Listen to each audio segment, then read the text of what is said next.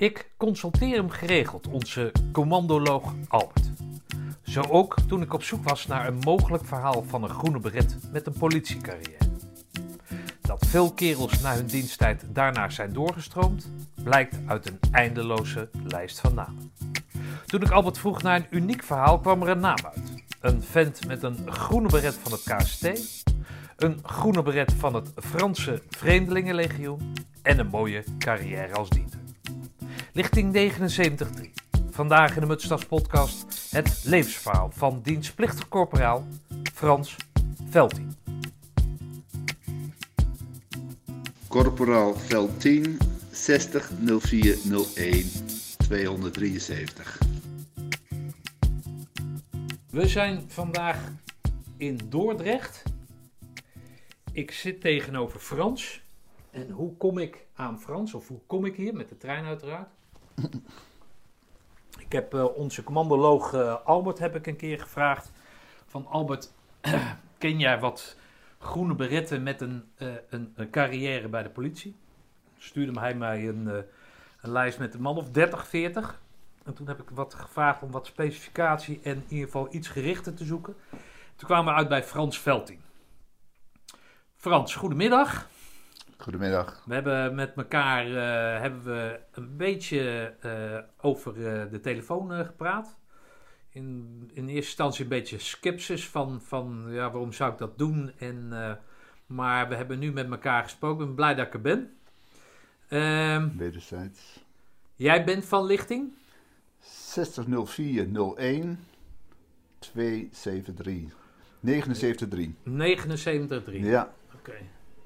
Dus dan kwam jij in het voorjaar van eh, 79 kwam je op. mei. 7 mei als ik me niet vergis. Oké, en hoe oud Nee. was je toen? Want ik ja, kan het natuurlijk terugrekenen. maar- Eh, ik was net 19 jaar oud.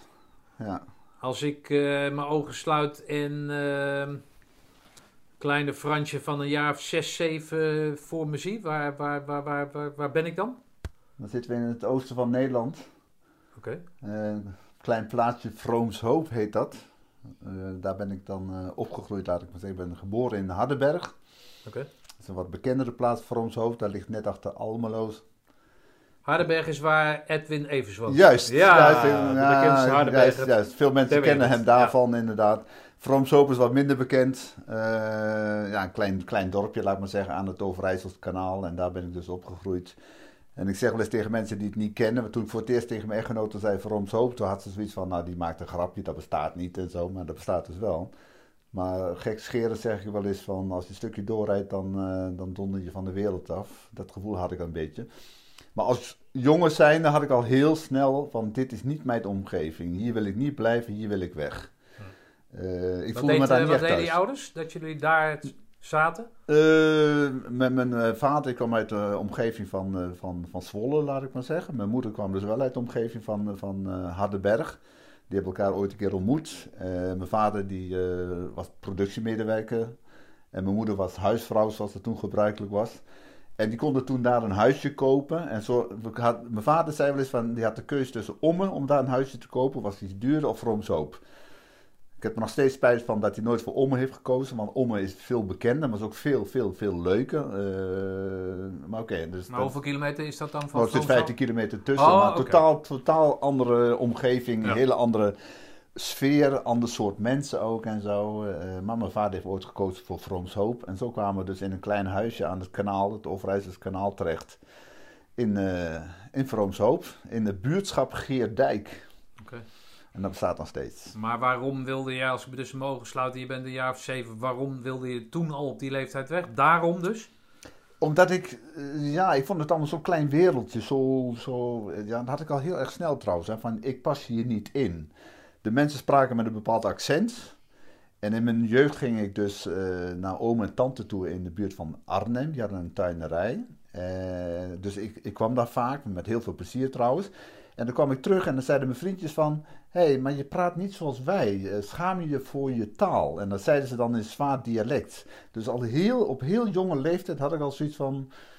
Ik kan het zelf niet eens verklaren hoor, van, maar dit is niet mijn omgeving. Hier pas ik niet in. Ik vond het veel te bekrompen, veel te klein. Dus als heel klein jochie had ik dat al door. En hoe uitte zich dat dan? Hoe zit dat uit? Nou, ik probeer dus niet die taal te spreken. Maar mensen zeggen nu nog wel eens van, hé, hey, je hebt een accent. En daar baal ik, Ik hoorde helemaal niks van, Frans. Nee, maar, nee, ik nee, hoorde maar niks mensen, mensen zeggen wel eens van, je hebt een accent, weet je wel. Eh, of je hebt iets, weet je wel. Er zijn wel eens mensen die zeggen van, hé, hey, ik hoor een Zuid-Afrikaans accent of iets dergelijks, weet je. En daar baal ik eigenlijk nog steeds van. Gek is dat. Het is geen trauma, maar toch wel zoiets dat je denkt van, ja, maar ik wil daar niet mee geassocieerd worden. Hm. Met die omgeving op een of andere wijze. Terwijl er helemaal niks mis mee is. Want als ik nu terugkom, ik ga bij mijn ouders op bezoek die daar op een kerkhof liggen. En ik kijk naar de omgeving, naar die prachtige huizen, betaalbare huizen, die hier totaal, nou ja, die kunnen wij niet betalen, laat ik maar zeggen. Eh, dan denk ik van, ja, wie is er nu eigenlijk gek? Eh, Ja. Oké, maar dan heb je het alleen om de omgeving natuurlijk, hè. Het is wel wat meer. Dus daar was dat zelf geplante zaadje dat je dus weg wilde. De, de, Ja. de wijde wereld. In ieder geval naar links, hè, om het zo maar te zeggen. Ja, Eh, en, en hoe oud was je dan dat je daar echt vorm aan gaan geven? Wanneer ging je daar echt weg? Wanneer pakte je spullen en zei van nou, vroomshoop, de ballen, ik, ik ben er vandoor? nou ja, ik, ik wil, het was op jonge leeftijd dat ik al zoiets had van, ik wil eigenlijk naar de politie toe. En. Maar ik had toen ook al zoiets van, maar ik wil niet in de buurt.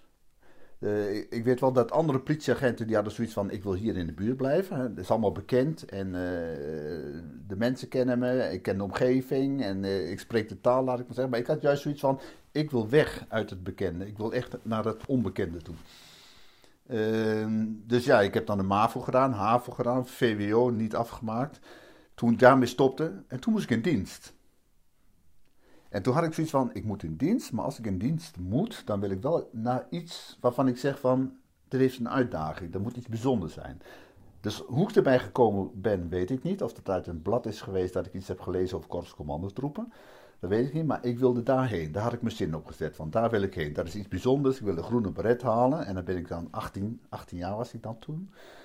En eh, daar heb ik er bewust om gevraagd om daarheen te mogen. Ik heb de keuring heb ik dus gehad dan.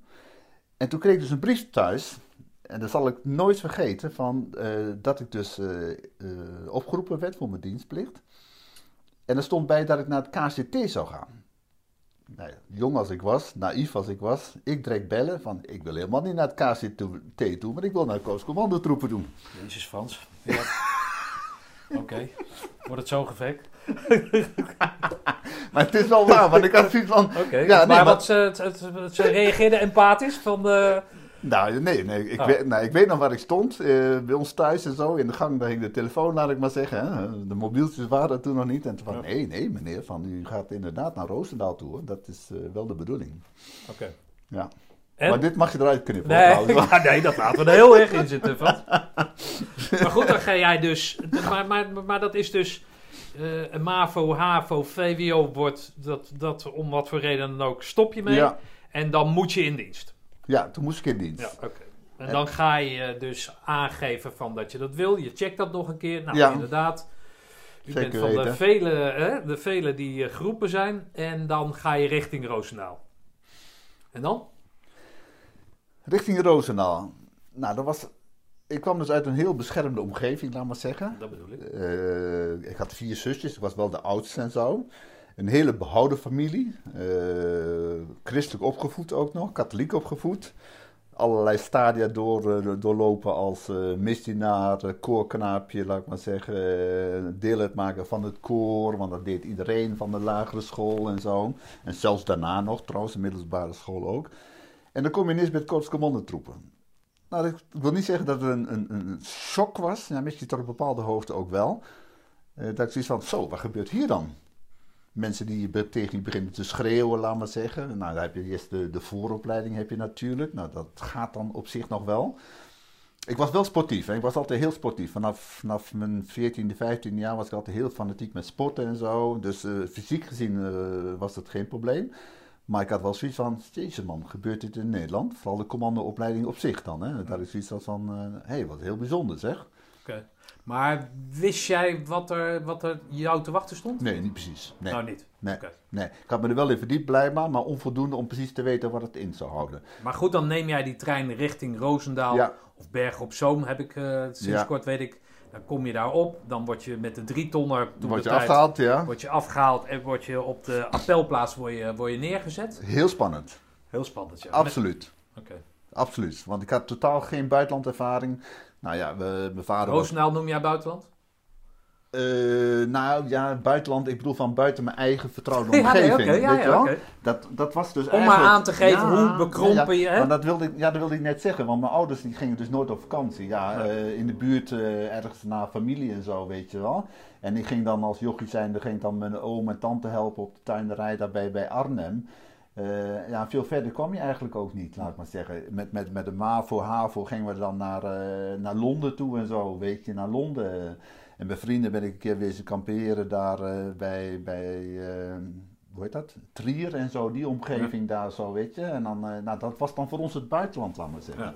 Ja, en dan kwam je er vanuit de vertrouwde omgeving, kwam je dan eens in Roosendaal, waar mensen ook zo vreemd naar je keken en anders met je omgingen en zo. Dus eh, ik was wel een grote knul, maar ik, had, ik voelde me wel klein inderdaad. Maar vreemd bekeken, was dat voorbehouden alleen aan jou? Of werd iedereen met diezelfde lichting volgens jou vreemd bekeken? Nou, dat weet ik niet, maar het was alleen zoals ik het ervaren ja, heb. Hè? Echt zoals Ja. ik het ervaren heb. Want er zaten ook andere mensen bij die een hele andere achtergrond hadden, andere ervaring hadden. Er zaten mensen bij die al eh, gewerkt hadden en zo. En ik kwam van school af. Eh, ik kwam onder, onder mijn moeders rokken vandaan, bij wijze van spreken. Dus voor mij, het was, ja, shock vind ik wel een beetje te, te zwaar woord. Maar het was wel zoiets van, zo, wat gebeurt hier dan? Oké. Maar het beantwoordde wel aan de hang naar avontuur. Jawel, jawel, absoluut. Nee, Ja, ja, absoluut, absoluut, absoluut, absoluut. Maar klikte jij met mensen? Of ben je, ben je, heb je de boebel eh, vanuit een boom eh, soort als eh, bekeken? Of hoe, hoe- Nou, Geef mij eens een omschrijving van dat gevoel als je daar dan bent. Je wil avontuur, dan krijg je het op je bordje. ja. Hoe ga jij met dat avontuur om dan? Ik had wel een doel voor ogen dat ik het wilde halen. Ik was wel een hele fanatieke donder, dat ben ik altijd wel geweest. Heel lang nog, tot een bepaalde hoogte. Ook nu nog wel, laat ik maar zeggen. Van waar ik voor ga, daar ga ik voor. Ik wil niet zeggen ten koste van, eh, van alles, maar wel van heel veel. Dan, dan ben ik heel erg gedreven. Hè. Ehm, dus ik, ik zat in de groep.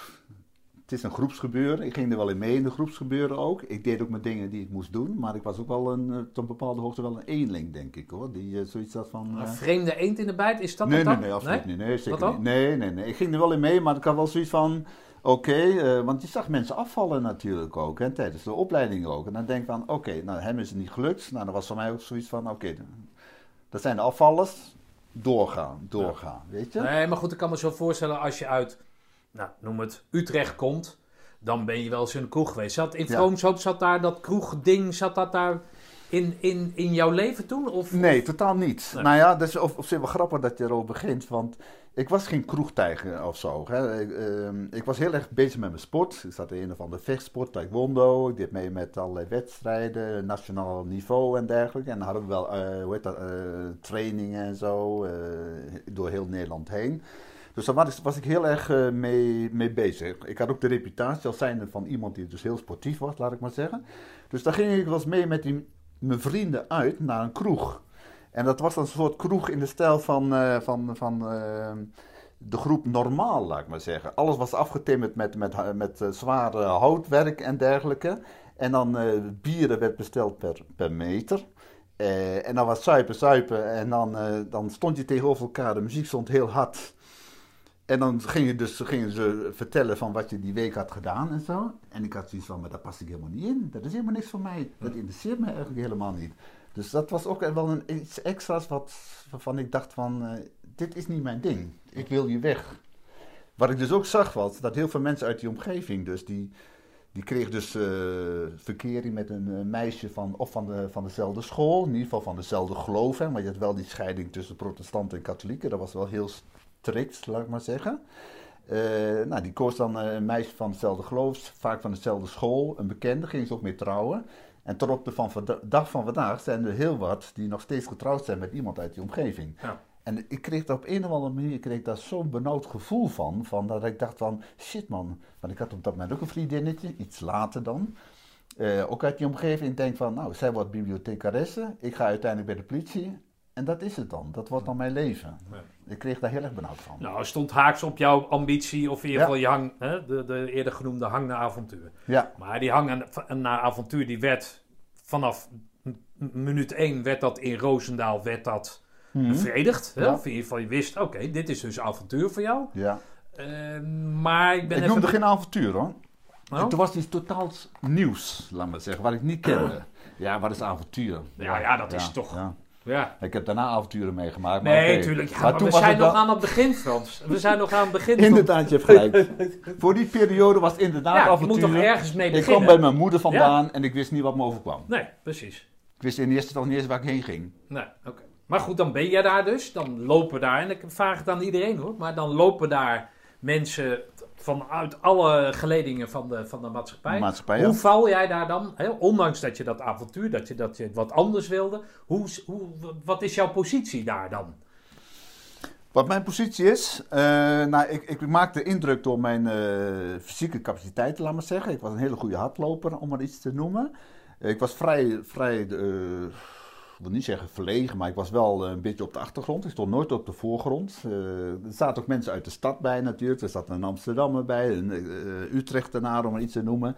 En die hoorde je altijd wel, die waren altijd aan het praten. Die hadden het hoogste woord. Ik wil niet zeggen dat ze allemaal uh, de opleiding hebben gehaald en zo. Maar dat was ik toch wel wat het, het stille plattelandsjongetje, laat ik maar zeggen. Dat dus eerst een beetje de kat uit de boom keek en niet, zeker niet op de voorgrond trad. Nee. Okay. Tot op de dag van vandaag trouwens zo. Maar, uh... nee, goed, nee, nee, dat is, nee. Ja, het lijkt mij ook ondoenlijk om dan zeg maar vanuit daar wat jij zegt onder moeders rokken vandaan dan in één keer een grote mond te hebben. Dat, dat lijkt nee, nee, nee, dat. Hè, Dus dat, dat ga jij opbouwen.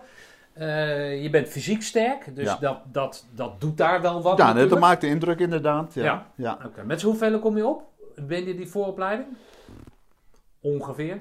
Ik dacht, eens even kijken hoor, bijna 70, 65, 70 man, zo'n beetje. Ja, want de helft is afgevallen. Oké. Okay. Ja, ja, ja. Maar dat is niet allemaal tijdens die vooropleiding, toch? Dat, dat je gaat richting, richting nou, ACO? Voor, nou, tijdens de vooropleiding zijn een aantal afgevallen, dat Ja. weet ik al. Er viel een aantal af.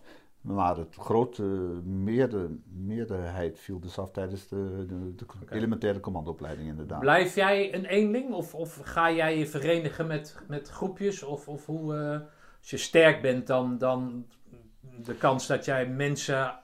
Nou, zwaankleef aan is wat overdreven, maar dan, dan word je natuurlijk toch een beetje opgezocht door de zwakkeren, om het zo maar te zeggen. Of, of Nou, maar stond het voor mij niet echt voor open. Stond jij daar niet voor open? Nee, ik denk het niet, nee. Dus heeft niemand aan jouw tokkel mogen hangen? Oh, dat gebeurde uiteindelijk wel, jawel. Dat gebeurde wel, dat gebeurde wel, dat gebeurde wel. Ik, ik had maar eh, een aantal mensen waar ik dus een, een, een band mee had, laat ik maar zeggen. Oké. Ehm, en eh, dus niet een hele groep of zo. Maar wat, en wat, ik wat waren dat voor mensen dan? Wat, wie waren dat qua, qua figuur? Of de... Nou, dat waren dus ook niet de schreeuwers in ieder geval. Nee, hè? Die waren ook wat eh, meer bedachtzaam, eh, die dus niet voorop stonden en zo. En, en op een of andere manier, ja, door de gesprekken die je dan hebt en zo, dan heb je zoiets van, hé, dat, eh, dat klikt wel. En er waren wel een aantal bij, inderdaad. Ja, Ja, dat worden maten dan. Naarmate ja, er worden inderdaad maten, ja. En die ene, die heb ik dus bij de laatste reunie, dat was dus vorig jaar die we hebben gehad, die heb ik nooit weer teruggezien. Ik die zijn naam dan? Of die naam is eh, Jan Opstal. Ja. En eh, die zei van, ik las dat jij kwam en toen had ik zoiets van, na 40 jaar wil ik Frans een keer weer Oh, terugzien, weet je wel. En dat was dus inderdaad een maat van mij, weet je. En dan denk ik van, ja, dat is leuk. Ook al Ja. zit er 40 jaar tussen, en dan denk je wel eens van, misschien wel jammer dat we misschien in de tussentijd ook wel iets leuks hadden kunnen doen en zo. Maar die had zoiets van, nou, nu na 40 jaar, Ja. ja, jij vertelde, of ik vertelde dat ik niet uit zo'n heel hecht peloton kom. ja. Hè, van de reunies zelf organiseren. En Nee. weet jij, jij geeft ook aan, of je hebt aangegeven dat je uit zo'nzelfde soort peloton komt. Ja, klopt. In feite wel. In feite wel, want eh, de, er werden wel jarenlang eh, dus reunies georganiseerd, laat maar zeggen. Hè, buiten de korpsreunies om dan. Eh, eens in zoveel jaar ook. Eh, maar er is maar een heel klein percentage dat, eh, dat komt. Nou, ik heb net jaren in het buitenland gezeten voor mijn werk en zo. Dus ik kon er pas later aan deelnemen ook. En nu moet ik zeggen van de laatste paar jaren ben ik wel geweest. Of de laatste paar keren dat dat georganiseerd werd en zo. Maar als je dan kijkt inderdaad naar de opkomst, is in feite maar ja, heel beperkt. Dus zo sterk is die band ook niet. Nee. Zelfs ons, onze beste man, laat ik maar zeggen, die is nooit weer geweest en zo. Eh. En zelfs onze luitenant, eh, ja, het was, nee, wat was dat? Luitenant, adjudant. Adjudant was dat. Die ook in de opleiding zaten. eh, dus die, die zijn ook nooit weer geweest en zo. Die hebben nog wel eens een keer gereageerd van... hey Frans, leuk. Want die hadden wat verhalen over mij gelezen... wat ik daarna had gedaan en zo. En die gaven dan ook aan van... ja, maar wij hebben eigenlijk helemaal niks... ieder voor zich natuurlijk, die zo Ja. praten. Van, we hebben eigenlijk helemaal niks met die reunies. Voor ons is het zoals ik net al een beetje zei, van eh, afgelopen voorbij, verleden tijd en ik hoef er niet meer op terug te kijken. Nou, oké, maar dan is het des te grappiger dat, hoe heet, hoe heet ook weer, die je net Jan aanhaalde? Opstal. Dat ja. Jan Opstal dat, dan dat gevoel heeft. ja, nee, maar ook dat hij aangeeft van Frans komt Ja. van ik wil hem toch wel een keer weer zien. Ja, en hoe was dat dan? Om, Ja, hartstikke leuk. Als vanouds. Als vanouds. En dan hoor je van dat hij getrouwd is. Dat hij, voor mij had hij twee zoons. En eh, nou ja, was een motorrijder. En nog steeds motorrijden en dat soort dingen. Eh, en dan nogmaals, dan vind ik het ook wel eens een beetje jammer dat je denkt van... Goh, mis je dat dat wel leuk was geweest om met zo iemand dan ook eh, in de tussentijd om Ja, ja. te- contact te onderhouden. maar is dat een, een... Is er nog steeds contact tussen jullie? Nee, nee, eigenlijk Oh, niet. niet? Nee, nee, Wat nee. Gek dan eigenlijk? Of gek in de zin van dat je dan Ja. telefoonnummers had en je hoeft... Ja, Kijk, waar je vroeger dan moest bellen... Ja, eh, ja, is Wiebe er? Hè, Ja. Zijn moeder of zo, als hij bij zijn moeder... Ja, dan kan je nu gewoon een soort, Ja. soort anoniem via een appje doen. een van, appje hey, hoe gaat het ja, Jan? Of, ja, ja, toch? Nee, maar blijkbaar gaat hij te verder met zijn eigen leven en zijn eigen dingetje. Ehm, ja, nou ja, tot een bepaalde hoogte vind ik het een beetje wel jammer. Weet je? Of dat zo'n zo'n reunie en na 40 jaar één keer elkaar weer zien, dat dat toch voldoende is blijkbaar. Ja. Ja. lijkt het een ja, beetje ja. op. hè? Maar ja, goed, misschien moet je eens een keer een podcast doen en dat mensen, andere mensen horen wat je aan het doen bent. hey, maar eh, even terugkomend op die ECO, noem eens wat eh, instructeurs. eh, die, weet je die nog? Tentenkamp instructeurs? Mastbroeks, Ja. ja, zeg maar wat. Siegel, Ah, leuk. Nog een Indo, kleine. Siegel. Nou, dat je hem even, had ik even naar moeten kijken inderdaad. Maar dat maakt niet Ja, uit. ja, maar en, de Tentenkamp commandant, zeg je dat- die naam? Ja, dat was een eh, jonge luitenant was er met een snor, een blonde. Ik ben zijn naam ook kwijt. Goh, ja, daar had ik even naar moeten kijken inderdaad. Want ik heb eh, de boeken daar liggen. En, eh, Ja. ja, maar oké, daar heb ik verder... Nee, maakt niet Dat, uit. dat is van zoveel jaar geleden en ik heb daar verder nooit meer naar gekeken. Dus, ehm luitenant... Ja, laat lekker, lekker, laat lekker gaan. Maar goed, op een gegeven moment dan, dan weet jij, of jij weet dat je, eh, hoe je in elkaar steekt, wat Nou, jouw positie, al, ja. hoe jouw positie binnen die club was. Ja. Je weet, eh, gesterkt door, jou, eh, door je fysiek. Ja.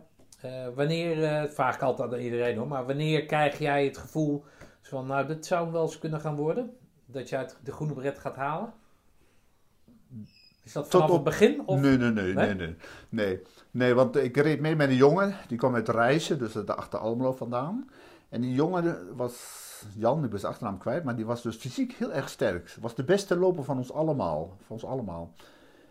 En toen een keer hindernisbaan, en bij de eerste obstakel, sprong die eraf, kwam verkeerd terecht, poot verzwikt. Nou, die moest eruit. Hm.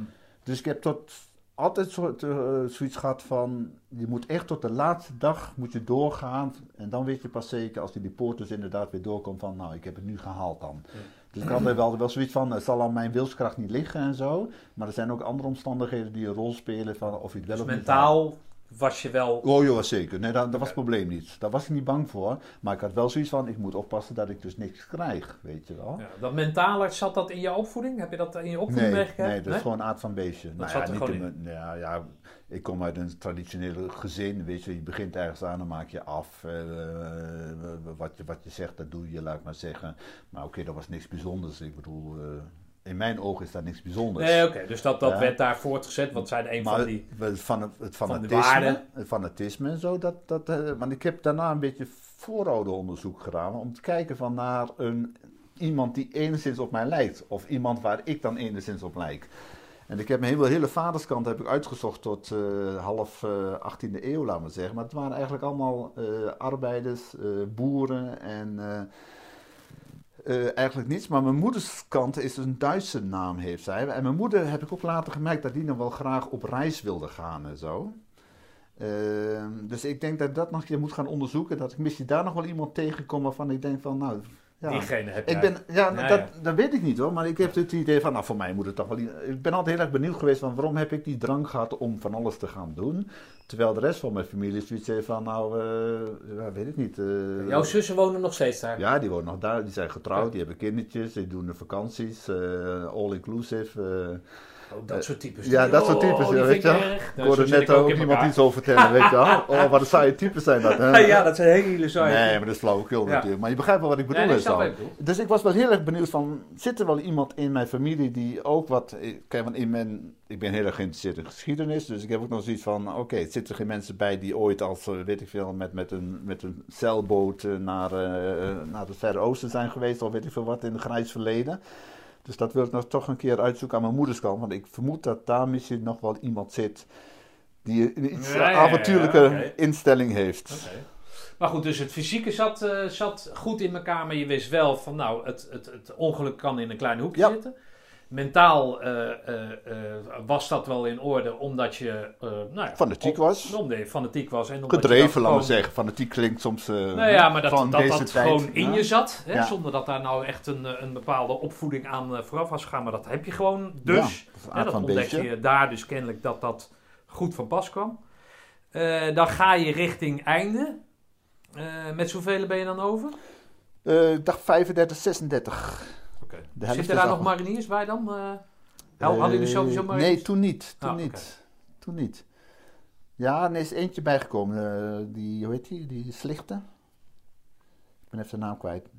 Een dubbele naam heeft hij. Van mij is die wat later bijgekomen. Die kwam van een andere lichting. En Ja. die is later bij ons in- ingeschoven, laat maar Ja, zeggen. oh zo. Ja, ja oké. Die En, was met die- een, ja. blessure uitgevallen of Ja, zo. om een of andere reden. En later heeft hij het afgemaakt. En voor mij was dat een... Oh, dat is wel vervelend dat de buurman begint dat, te dat, boren. dat, dat valt wel mee hoor, dat hoor je niet. Eh, hoor je niet. Maar goed, dus dan, dan Maar verder niet, nee. 35, 36. Eh, kan je mij beschrijven, als het dan, hè, om- omdat je zeker weet dat het pas afgelopen is als het afgelopen is, vanwege elke obstakel wat eventueel een blessure zou, zou kunnen veroorzaken. Wat daar dan door je heen gaat als je dan eh, de, de, de, die tranenpoort doorheen komt? Wat, is dat dan een tevreden gevoel of zo van, nou prima, heb ik gedaan en eh, kom maar wereld, ik eh, ben er klaar voor? Of is dat iets van, eh, nou dit is toch wel verdomme wel mooi dat ik dit heb gehaald? Of hoe, hoe beschrijf dat gevoel eens voor jezelf? Ja, ik, ik, ik vond het wel mooi en bijzonder inderdaad ook wel. Maar je moet ook niet vergeten dat, dat, dat je natuurlijk die hele week je behoorlijk eh, te grazen genomen. Je hebt weinig geslapen en zo. Dus dan, eh, dan ben je al wat, wat sneller, eh, ik wil niet zeggen emotioneel, maar dan eh, qua gevoel en zo steek je er anders in dan dat je dat op een andere manier, op een ander tijdstip zou, zijn, zou hebben gehad, denk ik.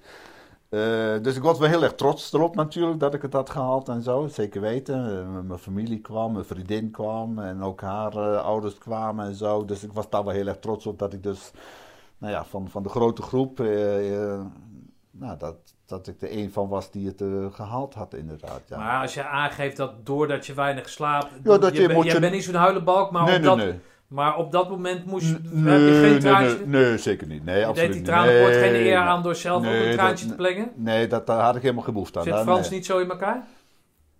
Nee. Ja, als je er helemaal doorheen zit en dan, en dan nog geen traan laat. Nou, ik ben een liefhebber van klassieke muziek. Als je mij nu bepaalde stukken klassieke muziek laat luisteren, kan het zijn dat je een traantje bij me ziet, weet je. Oké. Dat heb ik dan wel. Maar met zoiets niet. Nee? Nee. Nee. Oké. Nee. Grappig toch? Want Nou, ik weet niet of het grappig is. Nou ja, grappig. ander zou zeggen van niet normaal misschien, maar oké. Eh, weet ik niet, maar als je dat... eh, want als je, mijn zoon, eh, nou die weet dat wel, van bepaalde... eh, ja, ik ben heel erg eh, fan van Puccini bijvoorbeeld en zo. We zijn ook naar eh, een voorstelling geweest, ook in Italië.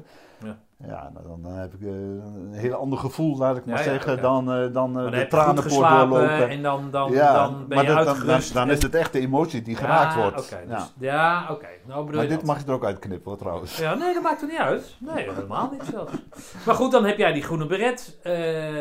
zelfs de ouders van je vriendin zijn er. Dus de bibliothecaresse en- zat wel in het systeem van... Ja, dus nog steeds hoor, nog steeds hoor, op Ja? dit moment. Jawel, jawel, jawel. Daar heb je, je hebt nog steeds contact met haar. Bedoel je dat? Nou, nou ja, in de, je bedoelt van in het systeem van dat, eh, dat ik daar later iets mee zou willen, bedoel je? Nou ja, jij geeft aan dat je verkering hebt, dat je dat eigenlijk niet wil. Hè? Dat je Ik eigenlijk... twijfelde, ik was, was echt zoekende. Ja. Maar dat blijkt later ook wel in het verloop van mijn verhaal, van dat ik heel erg zoekende was. Ja, ja, oké.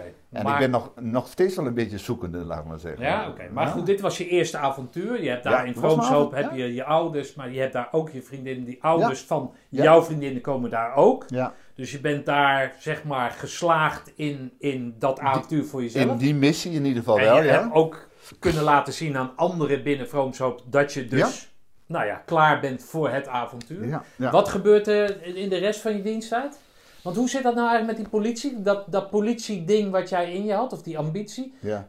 daar in Roosendaal beantwoorden dat... dat, dat... Nee, daar stond er los van. Daar stond er los van. Nou, eh, dat ik wel... eh, Nee, maar rangen, sorry dat ik je onderbreek, maar rangen, standen, dat zit bij de politie natuurlijk ook. Ja, maar ik was helemaal niet met de politie bezig op dat moment. Nee, hè. oh, Dat was, was voor mij nog onbekend. Hè. Dat was wel iets wat ik als jochie zijn al zei van ik wil bij de politie. Maar dat was eigenlijk nergens op gebaseerd. Oh. Ik had geen oom of zo die bij de politie had gezeten dat ik ervaring mee had. Maar ik had zoiets van dat lijkt me wel iets voor mij. Ja. Weet je? Weet je, en nou, ik zal een stapje terug doen, want dat is wel grappig hoor, de- dat je daar zo over begint eigenlijk. Of ik moet er in ieder geval aan denken. In die omgeving was het heel gebruikelijk als er dus je vader eh, productiemedewerker was of fabrieksarbeider was. Dan ging je dus standaard ging je naar de LTS toe, als jongen zijnde. En als meisje zijnde ging je naar de huisartsschool. Maar als jochie zijnde, ik was 11, 12 jaar, had ik dus iets en wilde naar de politie. Dus de hoofdonderwijzer, die zei toen van, ja, Frans gaat naar de LTS. En mijn moeder zei van, ja, maar Frans die wil graag bij de politie. Dus had je MAVO nodig in ieder geval. In ieder geval MAVO 3 had je toen. Hè? En dan kwam je nog speciaal bij ons thuis. Maar dat was echt vanuit eh, het oogpunt van, ja, maar jullie behoren tot een bepaalde klasse. Dus je moet sowieso naar de LTS en je wordt straks timmerman, schilder of wat dan ook. En ik ben mijn moeder nog steeds heel erg dankbaar dat ze toen gezegd heeft van, nee, eh, Frans gaat- wil naar de MAVO, hij mag naar de MAVO. En, hij- en die hoofdonderwijzer, eigenlijk was het een schoft, hè, want eh, ik heb het wel eens vaker gezegd, dat hij dan toch nog manipuleerde. Mijn moeder probeerde te manipuleren van, nou ja, stuur hem naar de, eh, naar de LTS toe. Want straks na een half jaar dan moet hij dus eh, overstappen, omdat hij het niet haalt. En dan krijg je nieuwe vriendjes. Dus echt op het, op het sentiment inspelen. Zo. Dus nou, zoals ik zei, van, ik ben echt mijn moeder heel erg dankbaar dat ze dus eh, voet bij stuk heeft gehouden. Dus ik heb dus eh, die, die MAVO gedaan, daarna het HAVO gedaan, daarna de VWO. Heeft hij later ook nog een keer gezegd tegen mijn moeder van zo, het is toch wel knap wat hij, eh, wat hij dan eh, uiteindelijk toch gedaan heeft. Maar gewoon die, die, die, die inter- indoctrinatie eigenlijk, dus vanuit, vanuit die kant, vanuit, vanuit die, die, die omgeving, laat ik maar zeggen, die sociale druk die erop gelegd werd, dat was wel iets waar ik dus heel erg veel, veel, veel moeite bij had. Dus politie, dat was wel mijn doel, maar dat was in feite nergens op gebaseerd. En toen ik dus bij de Korps Commandotroepen zat, was ik daar eigenlijk helemaal niet mee bezig of zo. eh. ik had wel zoiets van, na deze tijd, bij het KCT, wil ik overstappen naar de, naar de politie. Dat was dus mijn eh, doelstelling. Ja, oké. Maar je zat... Kijk, als jij nou, weet ik wat, eh, ballet, balletdanser was geworden, had dat helemaal niet aangesloten. Maar zo'n korps commandotroepen sluit natuurlijk wel, Ja, klopt. ondanks je het niet wel weet, meer. Ja, sluit het aan. Ja, en ik klopt. kan me voorstellen dat jij op dat moment dacht van... Hé, hey, als ik bij de politie kom en ik zeg dat ik MAVO-HAVO heb gehad... terwijl ik eigenlijk LTS voorbestemd Ja. was... En ik heb dan ook nog korps commandotroepen. Nou, dan maak ik wel een grote kans dat ze me Ja, in ieder geval inderdaad. Nee, toelaten op de keuring, toch? Zo zag ik dat ook wel, Ja, ja. Dat klopt wel, dat klopt wel.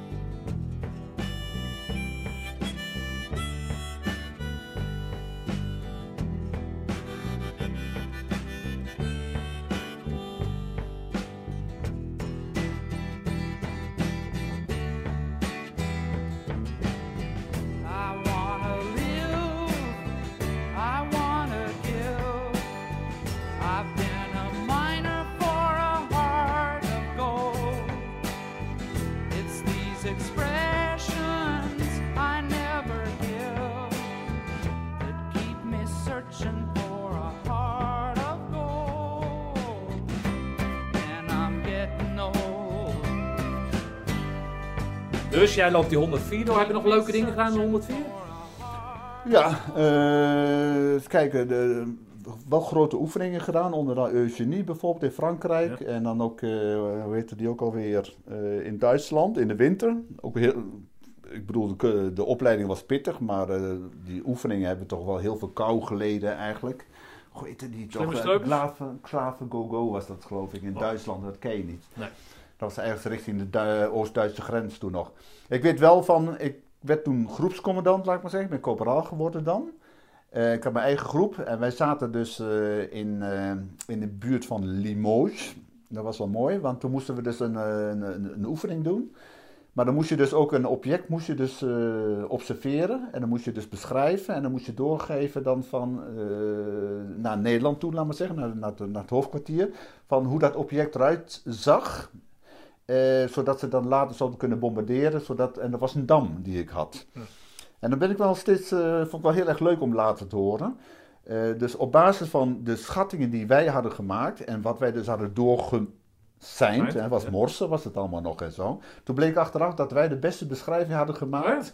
Maar van onze beschrijving had, hadden ze dus een tekening gemaakt en dan kwam dus het beste overeen met de realiteit en zo. Dus Oh, dat was grappig. ja, dat vond ik wel heel, heel erg grappig inderdaad. Ja, ja, ja. Maar ook wel, wel, wel eh, wat ik wel heel bijzonder vond, want dat is een link naar mijn verhaal daarna eigenlijk. Dat is dus van dat wij onze paraopleiding hebben gedaan in Po. Dat was wel Ja, dat zag ik hier in, de, in je vitrine liggen inderdaad. Want dat was wel, eh, was wel bijzonder, want wij kwamen aan dus met ons klein vliegtuigje uh, Fokker Friendship in Po. We zaten in de wintertijd, we konden in Nederland niet afspringen. En toen gingen we dus, ik dacht een dag of tien, gingen we naar, naar Po toe. En dat vond ik wel heel erg indrukwekkend, omdat je, dat is gewoon een, een, een fabrieksmatig eh, brevetteren van, van, van, van de para's, laten we zeggen. Want de hele dag door zijn vliegtuigen die opstijgen en eh, weer, weer nieuwe eh parachutisten ophaalt en zo. Dan gaat de hele godsganse dag door. En daar heb ik dus voor het eerst kennis gemaakt met het eh, Franse Vreemdelingenlegioen. Oké. Want dat is dus de doorstap naar wat ik daarna gedaan heb, Ja. maar zeggen. Hij gaat het nu alweer verklappen. We zijn nog niet eens bij de 104. Dus dan- Nee, maar je hebt dus je, nee, je maar daar werd de in, link, daar in, werd de link gelegd. Niet ja, met de politie, maar wel met het legioen. Oké. Maar daar heb je dus, in Po heb je eh, kennis gemaakt met hetgeen wat je daarna zou gaan doen. Ja, wat ik toen nog niet wist. Wat je toen nog maar niet wist. wat me wel aantrok. Eh, maar daar heb je je Franse wing gehaald en je Nederlandse wing Nee, er gehad? komt de Nederlandse wing. We gingen dus Oh, voor de. Nederlandse wing. Ja. Omdat we in Nederland niet af konden springen in verband met slechte nou, eh, weersomstandigheden en zo. Dat was toen gebruikelijk. Dan ging je dus eh, met de vliegtuig gingen we die kant op. En dan, eh, dan gingen we daar afspringen, zoals we dat noemden dan. Ja. Eh, dus je, je, je, jij hebt 16 maanden dan gediend, of 14 maanden, wat was dat? Eh, 16 maanden volgens 16 mij, maanden, ja. ja, ja. Dus jij 12, gaat, 4, zeg 16. maar, op een gegeven moment word je tot corporaal eh, bevorderd omdat je groepscommandant bent. ja.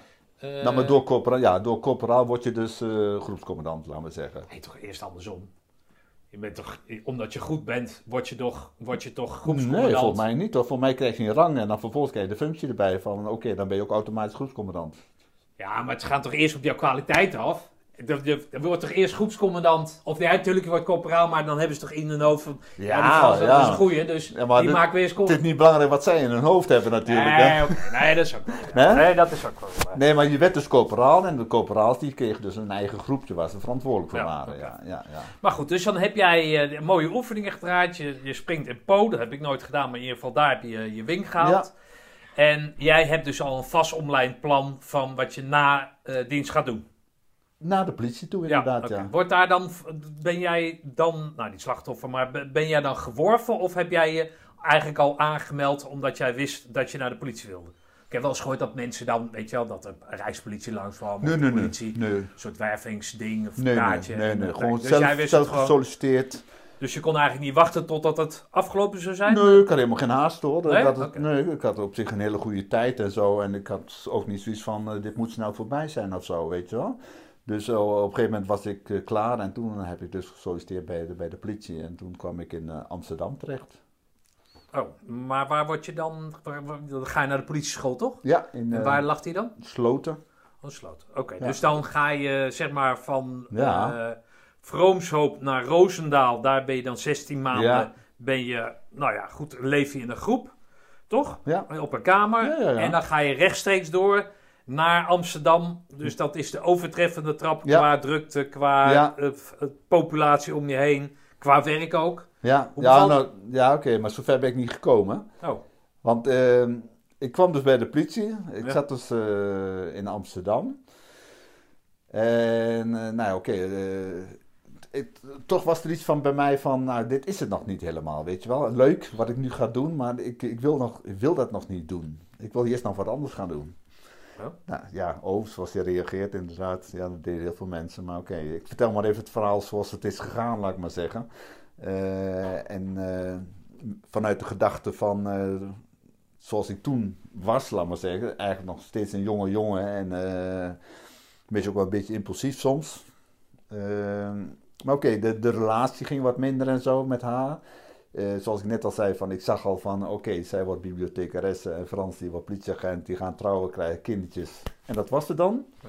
Dat was het leven. En ik had zoiets van, ja, maar dat is het niet volgens mij. Er zit voor mij nog veel meer. eh. dus uiteindelijk ben ik, eh, heb ik ontslag genomen bij de politie in Amsterdam. Hoe lang, na hoeveel tijd is dat dan? Nou, de, pff, drie kwart jaar, half jaar, drie Oh, kwart zo jaar. kort? Ja, zo kort oh, eigenlijk. ja, oké. Ja. Maar je woonde wel in Amsterdam en dan nee, ging nee, nee, ging altijd op en neer. We woonden nog bij mijn ouders eigenlijk. Van Vroomshoop elke ja, dag dat naar was Amsterdam. intern. was intern. Oh, oké. Ja, intern, Weet je wel? Dus eh, dat was eh, Ja, gewoon in het weekend ging je uit- net als dienst. Ja, ja. Oké.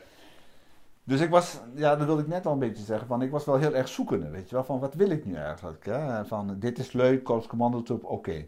Ik bedoel, eh, kapitein Kempenaars, hè, Ja. die is een paar keer bij me geweest van, wil jij niet bij ons blijven, weet je? Maar ik had, nee, dat, dat trok mij niet. Ik had zoiets van, ik heb het geproefd, ik heb het gezien eh, en nu wil ik wel weer wat anders. En ja, oké, dus ik heb beslissingen genomen van je achteraf denkt van ja, ja dit moeten doen of, of dat moeten doen. Je, hebt, je hoorde net al enigszins zeggen van was ik daar eh, gebleven in het oosten van het land, dan had ik nu een prachtig vrijstaande villa gehad aan het kanaal, laat maar zeggen. Betaalbaar. eh, maar oké, ja, je maakt keuzes in je leven. en Kan dan- nog toch van? ja, dat kan. Nee, Ja. maar ik, ik, zeg maar iets en zo, weet Ja. je wel. Ik heb er geen spijt van of zo. Nee. Maar de- op een gegeven moment, ja, eh, maak je keuzes hè, met, met, met, met, met de gedachte van, van, van een knul van eh 19, 20 jaar. Ook al heb je de groene beret, maar in feite ben je natuurlijk hartstikke jong natuurlijk en Ja. zo. Hè. En dan, eh, ja, dan... eh, Maar wat beviel er dan niet bij de politie? Of Ik- beviel nee, alles of nou wilde ja, je gewoon, nee, wilde je gewoon het avontuur of zo? Het vooruitzicht, het vooruitzicht Ah, van... Het vooruitzicht van, hé, maar dit is het, dat is het, weet je. Hij politieagent, zij bibliothecaresse, trouwe kindertjes krijgen. En nou, dat op een of andere manier kreeg ik het weer benauwd, laat ik het zo maar zeggen. Ja, en toen heb ik dus uiteindelijk eh, een enkeltje genomen, Marseille vanuit Rotterdam. Eh, 20 juli 1981. Ja, tot groot... eh, ja, mijn- Ja, hoe ging dat dan in Vroomshoop? Hoe, Ja, hoe, nou, deed je dat- dat dan bij de bibliothecaresse? Nee, de- dat was inmiddels... die, zij zag ook wel, dit gaat hem niet Oh. worden. En die gaat, eh, zag ze ook wel, ook haar ouders hadden zoiets van, ja, nou, waar hij mee bezig is, ik weet niet wat er gezegd is allemaal, maar op een gegeven moment is dat dan, Wat zei je moeder dan? Want je moeder heeft gezorgd Ja. dat je MAVO, HAVO. VWO... eh, wat, wat, wat zei jij tegen je moeder dan? nou, die zei ook niet veel, alleen, ehm, Nee, die zei niet veel, maar wat zei jij tegen je moeder? nou ja, dat ik, eh, dat ik, eh, ja, nou ja, dat ik toch wat anders wilde gaan doen. Wat niemand begreep, niemand, hè? familie niet, eh, mijn naaste familie niet, de vrienden niet, en ja, dat is iets van... Jezus man, eh, maar ook voor de, dus ook voor de politie. Een selectie, selectie is, vindt eraan vooraf Vond plaats. ze ook niks? Nee, nee, doe wel. Nee, maar ik wil zeggen van, je komt ook niet zomaar bij de politie, laat ik maar zeggen. Nee. Weet je wel? Dus ik had mijn groene beret gehaald. eh, ik werd aangenomen bij de politie. Een, een, een vriend van mij, een van mijn beste vrienden van, de- van, van, de, van de eh, middelbare school, laat maar zeggen. Die had ook gesolliciteerd voor de, bij de politie. En ik vond hem eigenlijk nog beter dan mij. En hij werd niet aangenomen, om wat voor reden dan ook. Dus uiteindelijk, het ging voor de wind. Ja. En dan toch nog zeggen van, oké, dat is het niet van, ik wil je eerst wat anders doen. Ja, niemand begreep dat. En als ik het zelf over terugdenk, dan denk ik ook van, ja, dat zijn toch wel bijzondere stappen eigenlijk. Maar toen had je nog geen internet, toen had je weet ik veel wat. We, hebben het gehad, even vooruitlopend op je verhaal, over de mythe, hè, of die mythische ja, dingen die Dat er sprak op mij dat, ook eh, aan, ja. dus dan ging jouw moeder naar haar eh, ex-schoondochter in de bibliotheek en dan ging ze daar opzoeken wat het legioen, wat, wat, wat, wat was het verhaal wat je tegen je moeder vertelde? Oké. Niet zo heel veel. Alleen van wat ik wilde. En kijk... eh, Je bent de oudste, je bent ja, de enige jongen. Ja, ja, ja. Nou, ja, vertel eens wat je moeder dan, hoe, hoe ging dat een beetje? Was Nou- het huilen? Frans doet toch normaal? Wat, wat, wat Nee, wat nee, dan? nee, nee, Of want, nou ja. nee, nee. Nee, is het, je moet het ook een beetje plaatsen in, in, in de context van de tijd, denk ik. Hè? Er gingen anders, anders eh, emoties, ja, dat, eh, het ging op een andere manier, laat maar zeggen. Hij heeft niks met de tijd te maken, als wel met, maar waar je vandaan komt. Ja, ook je gezin natuurlijk. Ja, ik denk het ook wel, ja. Maar achteraf, achteraf, achteraf, vooral op het moment dat ik dus zelf een kind kreeg, toen heb ik me pas gerealiseerd van Ja, dat is mooi. wat voor impact dat op mijn moeder heeft gehad. En ik heb later, nog vele jaren daarna, heb je mensen, buurmeisjes en zo, eh, die zelfs ouder waren dan ik, waar ik weer contact mee kreeg. En die vertelden wel van, ja, je moeder heeft toen wel heel erg zwaar gehad dat jij weg was. Ja, ik kan me Heel- voorstellen. En, en terwijl ik maar bezig was met mijn avontuur, laat maar zeggen. En met niemand en niks rekening hield, weet je. Ja. Eh, dat is wel heel, heel heftig geweest voor haar, ja, absoluut. Maar dat heb ik me pas jaren daarna gerealiseerd. Ik was maar bezig met mijn eigen leven. Dus, eh, Maar goed, enkeltje Marseille. Ja, En dan zit je in de trein en, en dan, dan voldoet dat helemaal aan het avontuur, of niet? ja, zeker weten.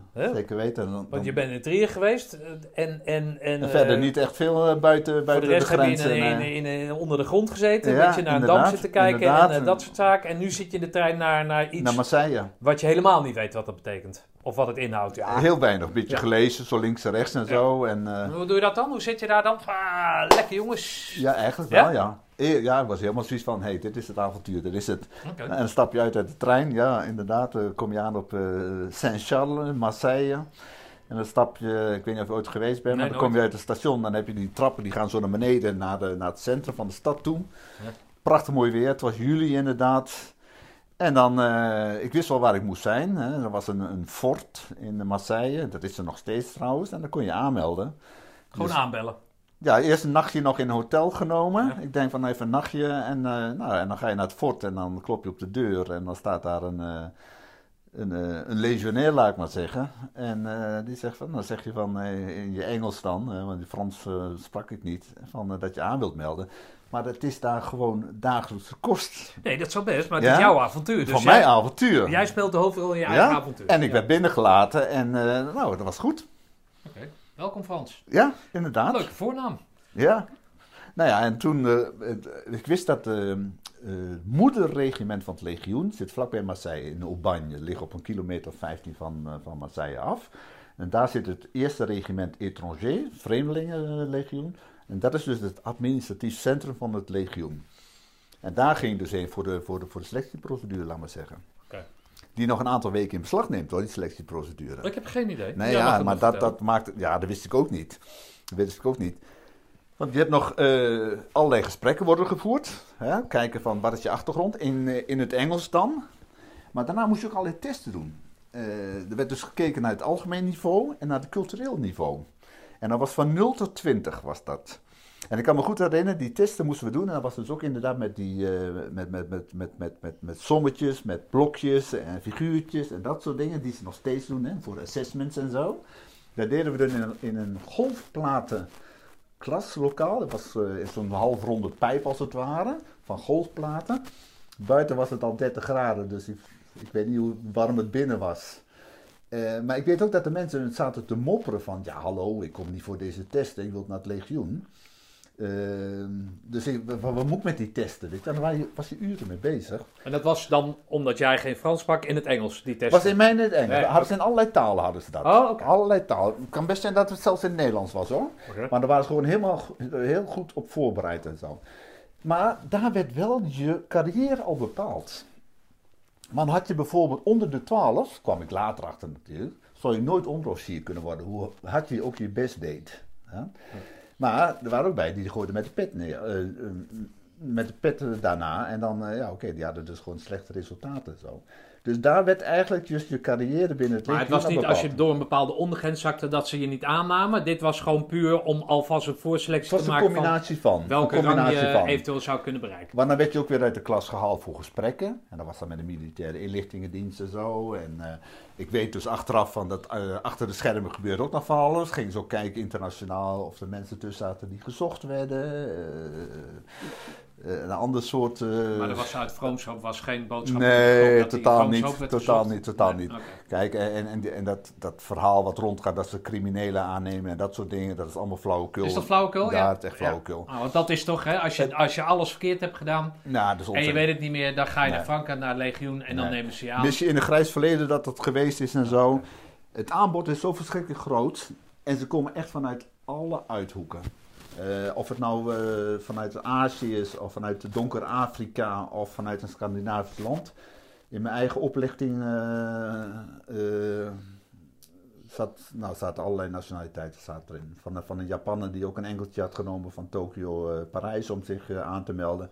Een Vietnamees, een oud, oud officier uit het Vietnamese leger, was toen al 36 was die. Heel oud eigenlijk al, maar wel heel fit. Ja, er zat echt van alles. Wat, wat jij zocht, zochten die, al die andere mensen dat ook? Nou, dat is wel grappig, want het is een verschil, verschil tussen de Fransman.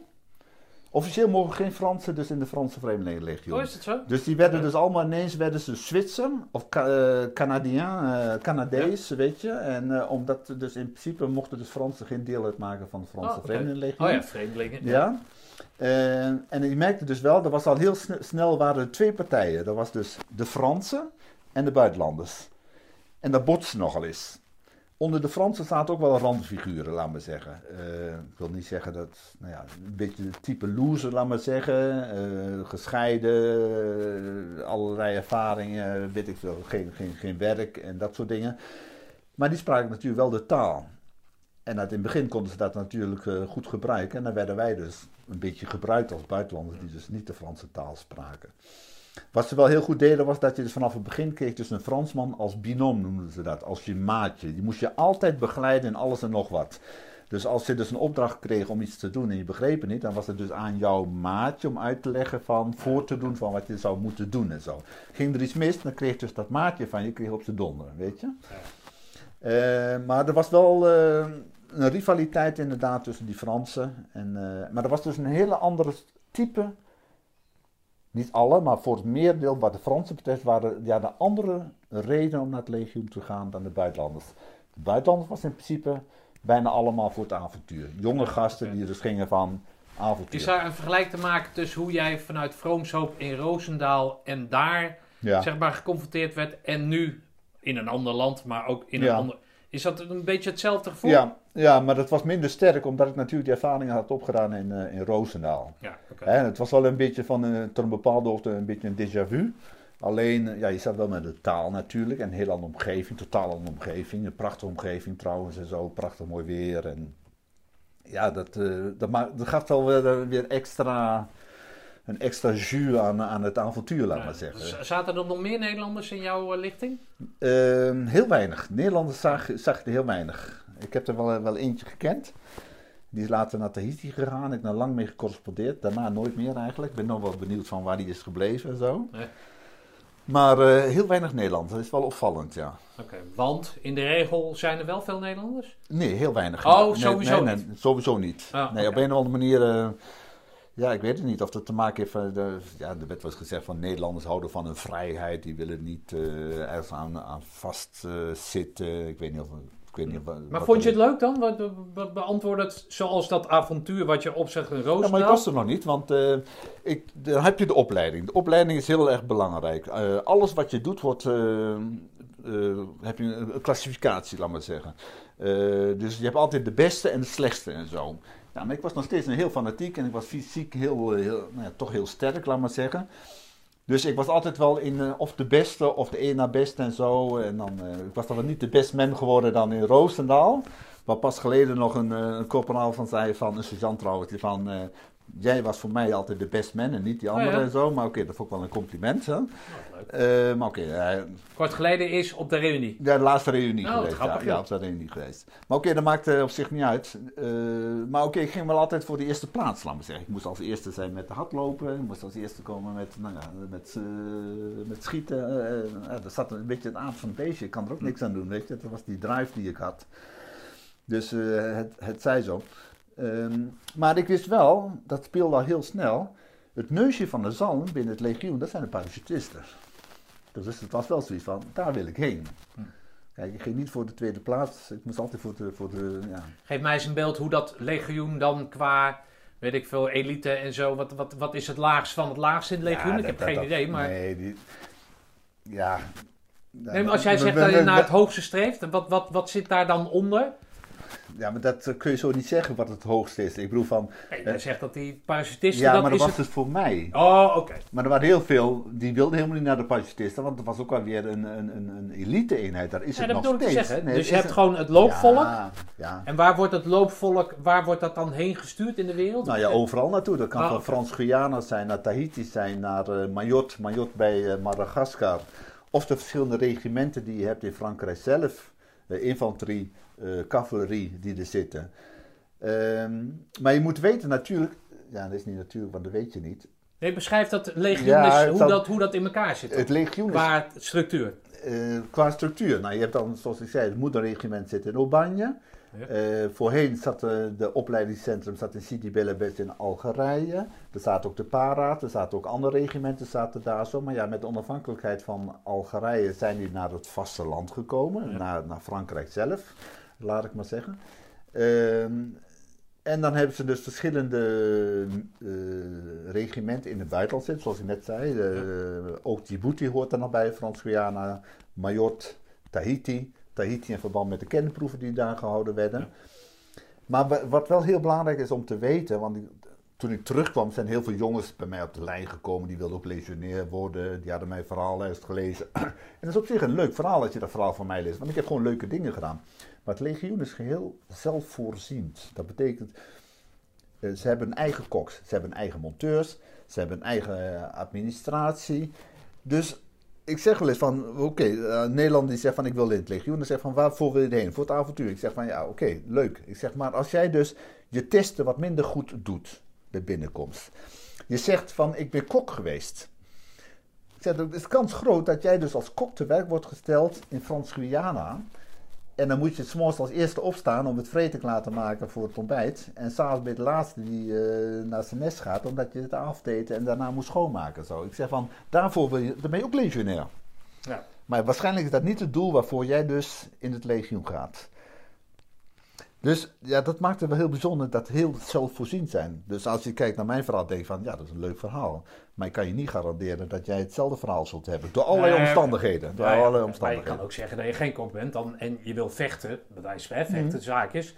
En, en als jij even goed in elkaar zit, dat als jij, zoals jij in elkaar hebt gestoken, of nog steeds steekt, maar in ieder geval toen de tijd, dan zou jij als kok ook parachutist kunnen worden, toch? Dat Kan, zo- dat klopt. Ja, Ja, nee, maar ook die Dus koks het daar is gewoon zo. even de handleiding die jij dan Mm. mensen zou kunnen verschaffen. ja, van. Als je dan dat wil, dan moet, je, dan moet je het op die manier Ja, aanvliegen. want bij de, het neusje van de zalm, zoals ik dat zeg, de tweede ROP, Regiment Étourgé de Parachutist, eh parachutistenregiment van het legioen. Dat zijn ook de koks zijn daar, eh, maken daar deel van uit. En Ja. de automonteur en, en, en de parachutevouwers die je ook hebt en zo. Eh, en daarnaast heb je natuurlijk, dat zijn de ondersteunende compagnieën, laat ik maar zeggen. En daarnaast heb je natuurlijk de gevechtseenheden, zoals ze dat noemen, met de verschillende eh, onderdelen van... Maar jij wilde naar het neusje van de zalm. Ja. De elite. En dat was dat. Dat was eh, mijn doel. Ja. En wat, wat is daar dan anders in de opleiding voor als je naar het neusje van de zalm wil dan? Nee, je doet je basisopleiding, doet iedereen. Die basisopleiding duurt vier maanden. Eh, op een gegeven moment, na, de- na ja, zo'n bijna twee maanden, dan doe je de zogenaamde Kepi Blanc eh, eh, mars, doe je dan. En, nou, eh, dat is een eh, fysieke inspanning. En dan krijg je uiteindelijk dus onder een heel mooi, eh, met een heel mooi ritueel, krijg je dus de Kepi Blanc uitgereikt. Met, met, witte hoedje of ja, hoe noem je ja? Kepi noemen ze dat. Eh, inderdaad, eh, nou ja, oké, dat, dat is dan weer van, oké, dat heb ik dan ook gehaald en zo. En dan is de volgende stap van einde opleiding. En dan is er van de klassificatie. En degene die het hoogst ge- eh, genoteerd staan, die mogen kiezen waar ze heen willen. Ah, oké. En de anderen worden geplaatst waar ze mensen nodig hebben. Ik zat in de bovenmoot, dus ik mocht kiezen waar ik heen wilde. Dus ik zei van, ik wil naar Calvin. En dat is dat tweede. Tweede rep, Corsica. En dan ga je met de boot die kant op en dan kom je daar aan. En dan moet je weer onderaan beginnen. Want er bent nog geen para en zo. Dus dan eh, krijg je eerst de para-opleiding enzovoort enzovoort.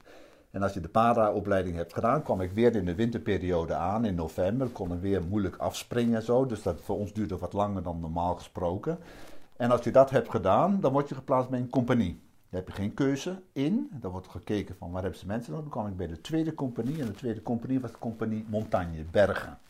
Dus daar waren mensen gespecialiseerd in alles wat met bergen te maken heeft.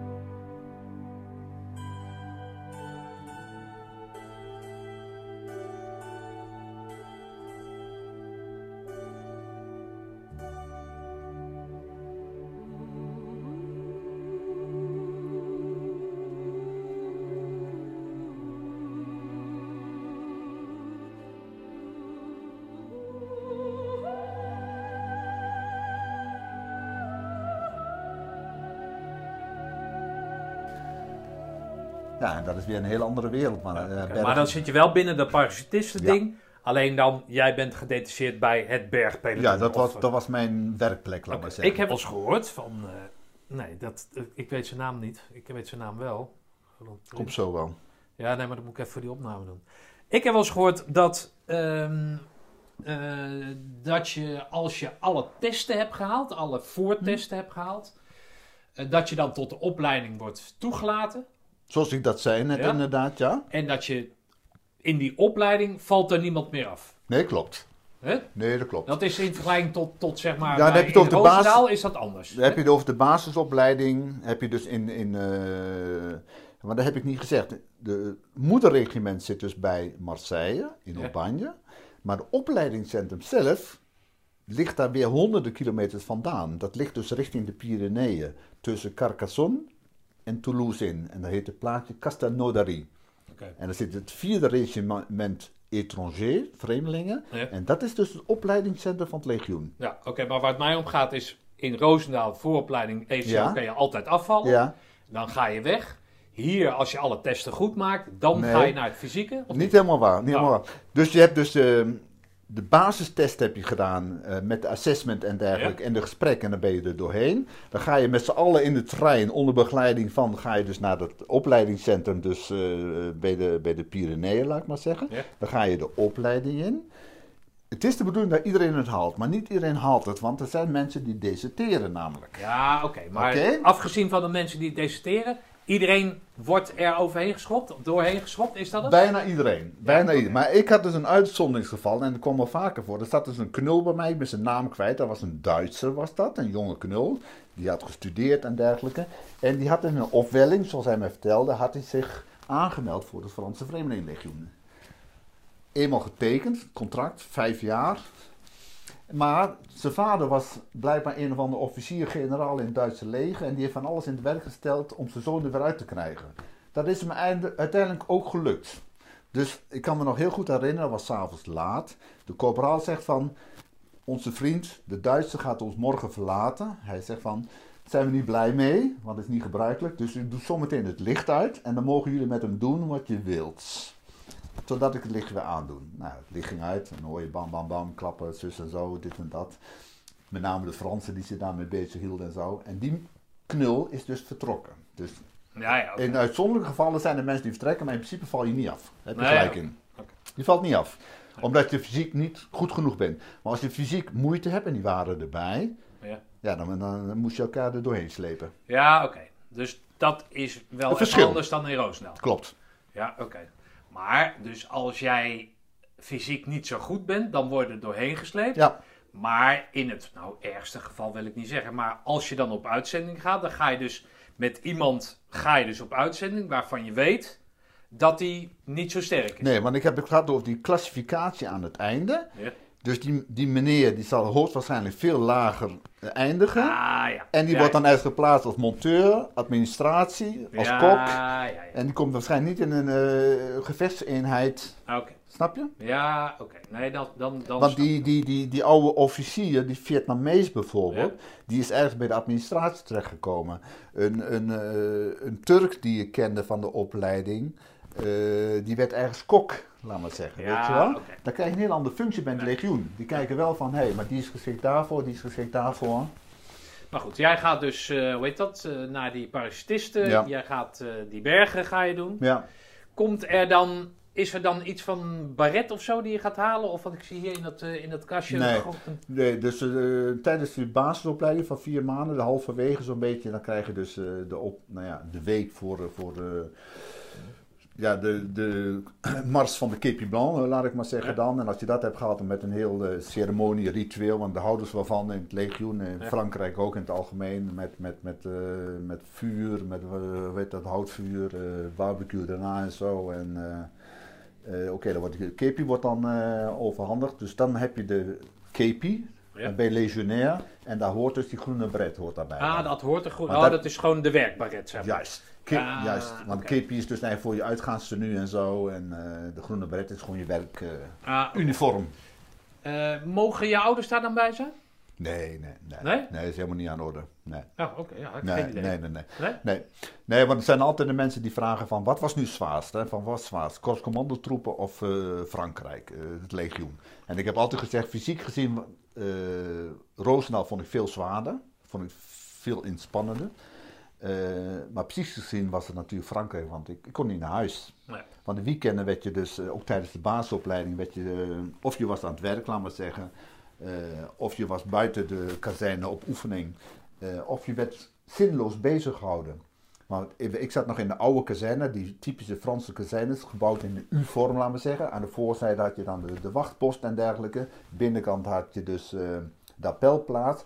Er waren gebouwen die waren dus drie verdiepingen, allemaal eh, houten vloeren.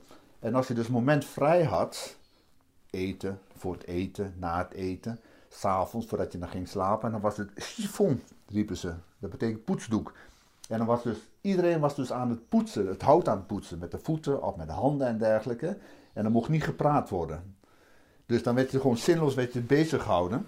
Eh, ja, dat was gewoon een hele andere manier van, eh, van, van, van invullen van tijd. Maar dat was dus gewoon dat je dus in het weekend werd je ook bezig gehouden. Ja. Snap je? Je had wel, mocht iets later opstaan, eh, maar je ging weer op tijd naar bed. Het enige wat je had was missie dat je een keer eh, zondagmiddag naar de bioscoop ging met z'n allen dan. En dat was het dan. Hmm. Dat was het dan. Je kon niet naar huis. Nee, dat lijkt me inderdaad eh, Heel zwaar. zwaar, ja. En ik was een moederskindje van oorsprong, nog steeds hoor. Maar, Oh, dat eh, komt, dat komt er nu pas mee. nee, maar nee, dat heb je direct al gehoord aan het Nee, begin. je komt uit ondersmoeders rokken vandaan, maar Ja, niet je nee, maar was. ja, eh, Nee, Oké. Hey, maar maar hoe, hoe, hoe, hoe- dat, dat- geef eens aan, als je dan moederskindje bent, hoe onderhoud je dan contact met, met, met Ja. Hoe- Nou ja, dat is wel heel grappig, want ik, ik, ik zat er net al aan te denken van... Er stond dus één telefooncel op de kazerne en zondagavond dan had je dus even een momentje voor jezelf, laat ik maar zeggen. En dan, eh, dan stond je in een rij voor de, voor de telefooncel met nog tegen anderen. En met je zakken vol met kleingeld en zo. En dan eh, ging je even naar huis bellen. En dat duurde, hoe lang?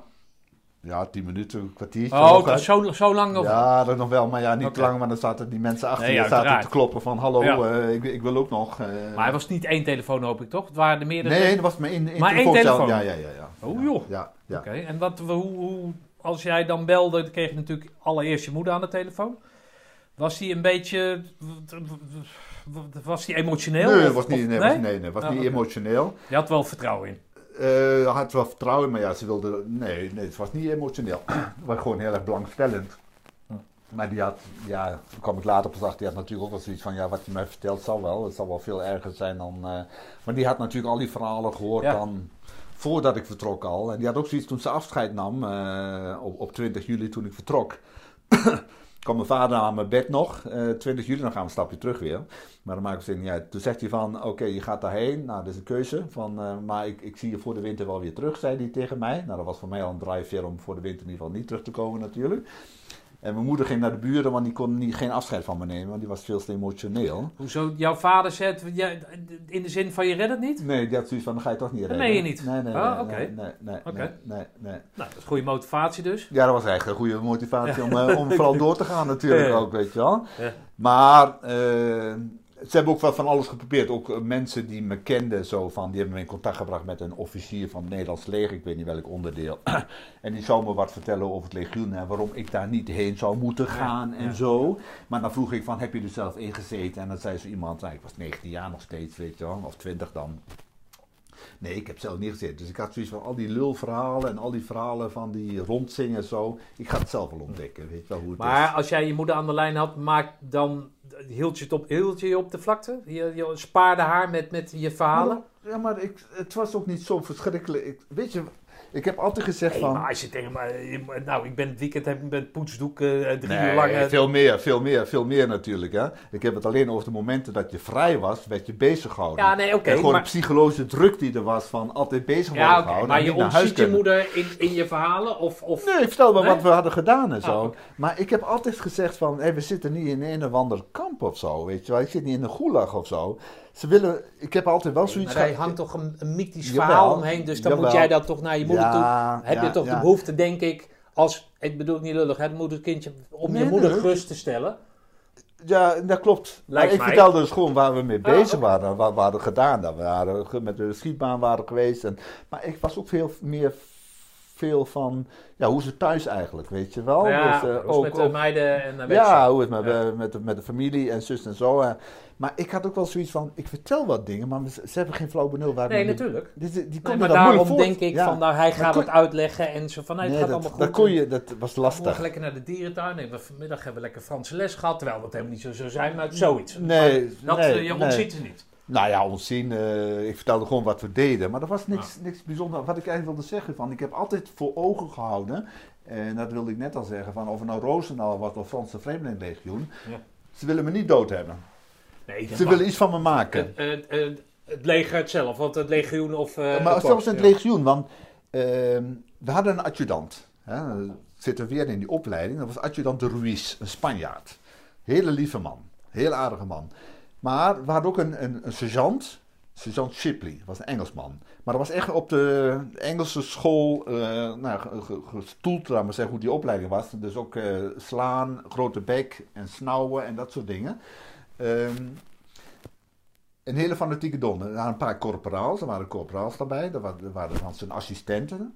Eh, nou, waren- zaten ook fanatieke donders zaten erbij. En wat gebeurde dan? Er lagen te veel mensen lagen in de infirmerie, in het ziekenhuis. Die dus niet mee konden doen met de dienst. Omdat ze dus de poten kapot hadden of iets gebroken hadden, wat dan ook. Maar zo'n adjudant die kreeg in feite op de donder vanuit de leiding dan van... hé, hey, maar er zijn veel te mensen in het ziekenhuis. Dat is niet de bedoeling. Het was altijd de bedoeling van zoveel mogelijk mensen klaarstomen, geschikt maken om verder te kunnen, weet je. En daar heb ik ook altijd voor ogen gehouden van, ze zijn... ze- willen me niet dood hebben of zo. Ze proberen Nee, iets van mij te maken. Dus ik heb er altijd wel een beetje doorheen geprikt van... Dus dat, dat hangt ook weer aan de mystiek, hangt dat. Zo van dat, dat hele harde en, en er blijft er maar een paar over en dat is bikkelhard. eh, Dat, dat, dat ontkracht jij bij deze. In mijn tijd wel. Maar als ik dus met eh, de, de, de, de, de legionairs spreek die ik vanmorgen gesproken heb, die dan in de jaren oude. 50. Ja, oké. Eh, maar dat niet alleen. De opleiding ging op zich dan wel, maar daarna gingen ze dus op missie. Hè? Had dus eh, Vietnam, hè, Indochina, had dus eh, Algerije. Daar zijn heel veel mensen gesneuveld. Ik bedoel, er zijn eh, duizenden omgekomen, weet je. Dus dat was een heel andere tijd. Voor mij, maar ook voor de luisteraars, geef misschien een vraag die ik veel eerder had moeten stellen. Maar wat, wat is de taak van het eh, Franse Vreemdelegioen? En waarom heeft Frankrijk dat Ja. en niet een ander land? Wat, wat, wat, waar worden jullie, of waar werden jullie, eh, het legioen, waar werd dat op ingezet? Eh, nou ja, eh, het is niet het enige land. Je hebt, eh, Spanje heeft ook nog een vreemdelingenlegioen. La Bandera, dat bestaat ook nog steeds.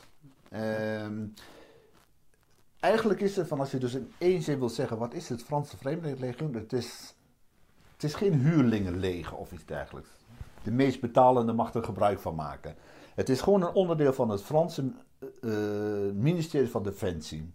Je krijgt gewoon je salarisstrook, je betaalt je belastingen eh pensioenattracht en dergelijke. Het enige bijzondere is dat buitenlanders dienst kunnen nemen. Dat is eigenlijk het enige bijzondere. En dat het een bepaalde status heeft, een bepaalde aanzien heeft. Ik heb daarna, jaren daarna, voor de, Franse politie, eh, voor de Nederlandse politie in Frankrijk gewerkt. Eh, en ik praat er dus zelf niet over, maar via via horen ze van, is oud-legionair. Nou, dan was het handgeven, respect, weet je wel. Nee. Niet in Nederland kennen ze niet. Hebben precies van, oh, het zijn huurlingen, het zijn eh, criminelen, weet ik veel wat.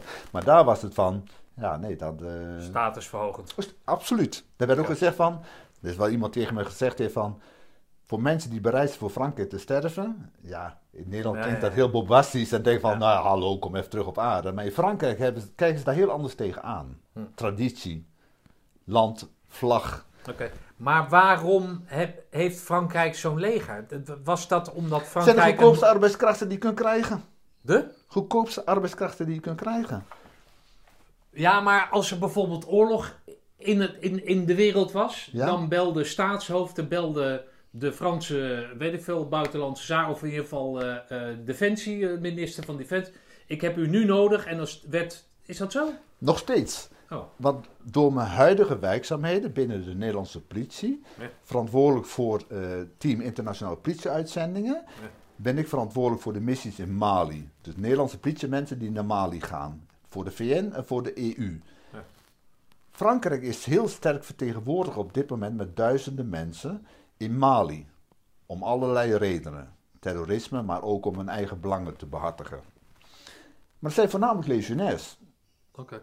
En dat is dus, als je de afgelopen tientallen jaren en daarvoor ook al, was het gewoon gebruikelijk. Is er ergens een probleem, in, gaan ze eerst kijken naar het legioen. Het zijn toch de buitenlanders en de vrijwilligers natuurlijk die die kant op gaan. Ja, ja. Het zijn niet allemaal buitenlanders. Maar moet zo'n regering van zo'n bepaald land, die moet daar dan voor betalen of zo? Hoe, hoe werkt dat dan? Nou ja, dat hoeft niet, dat kan. kan eh, maar ook vaak heeft te maken met, eh, met, met historische belangen. Frankrijk had natuurlijk. eh, Ja, die had veel koloniën, dus Koloniën dan snap zo. ik dat. Maar als er, er- of wordt het alleen puur op die koloniën ingezet, of die oud-koloniën ingezet? Nou, nou ja, vaak is al een relatie hè, met zo'n land, hè, ook altijd onderhouden. Maar als je kijkt naar Mali, Mali is rijk aan allerlei grondstoffen, dat weten, weten mensen niet, oké, daar kun je op internet van alles over vinden. Over vinden. Ze, ze hebben heel veel uranium, ze hebben heel veel goud, eh, allerlei grondstoffen, laten we zeggen. Dus de Fransen hebben dus, niet alleen Frankrijk trouwens, er zitten ook andere landen. De Turken zitten er ook, de Chinezen zitten er ook.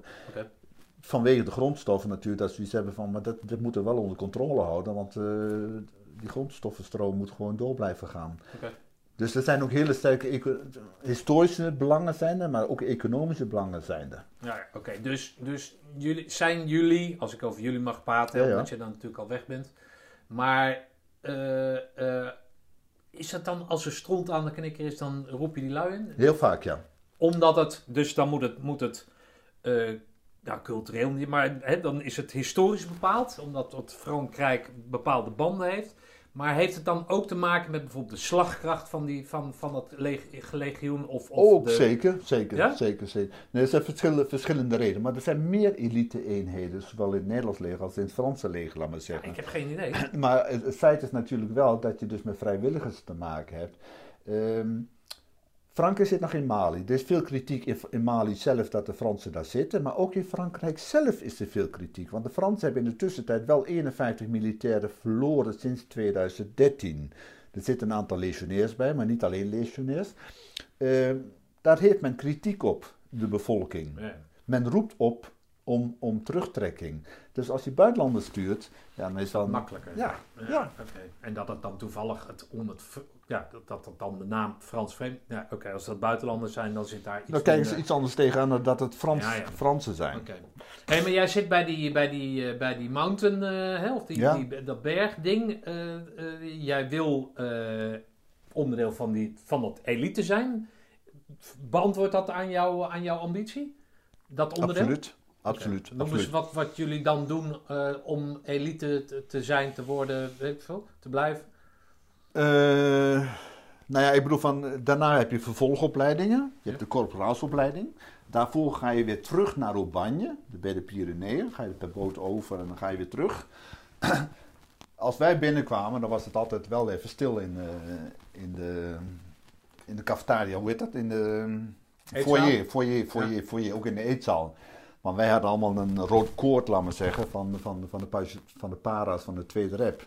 Ja, we hadden wel een, een, eh, reputatie. Ik bedoel, van, eh, wa- wat je nu misschien hebt met eh, de speciale eenheden van, de- van het Nederlands leger. Dat ze denken van, oké, dan heb je het Nederlands leger, maar daar komt dus even Ja, nou, een marinier of commando binnen of zo. Kijk Ja. eens anders tegenaan, is toch waar. We hebben een bepaalde reputatie. Was Maar ook super binnen, trots. het, ook binnen het korps dus. Of binnen het legioen. Ja, absoluut. Ja. Zeker weten. Oké. Dus Zeker. Dat is mooi dan. Ze- Aan de ene kant wel, Ja. maar het was ook wel zo dat al je de ogen waren op jou gericht. Want als er dus iets gedaan moest worden, of het nou sportief was, of qua werk of zo, of nou, noem Moest maar je er iets. wel bovenuit steken. Juist. Je Ja. moest ook maar laten zien dat je zo goed was. Oké. En? Dat waren we in het algemeen ook wel, zeker wel. Zeker wel Maar ja. zaten daar dan wedstrijden tussen allerlei onderdelen? Ja, Ah. zeker weten. Rivaliteit, rivaliteit. Gezonde rivaliteit. Ja, oké. Maar staken jullie er altijd bovenuit? Of, of? In, in principe wel, ja. In principe wel. Ja. Nou, dat is lekker dan, toch? Nee, nee, nee, nou, we waren ook super trots erop. Ja. We waren echt super trots. Eh. Maar heb je dan de behoefte om, eh, ja, dat is sowieso de vraag die ik al wilde maar ben je dan af, afgezien van het avontuur en van de uitdaging en ik weet het allemaal niet, dan heb je dat bereikt hè, door, door onderdeel te zijn van dat, eh, van dat eh, eh, die tweede parachutisten ding, om het zo maar te noemen.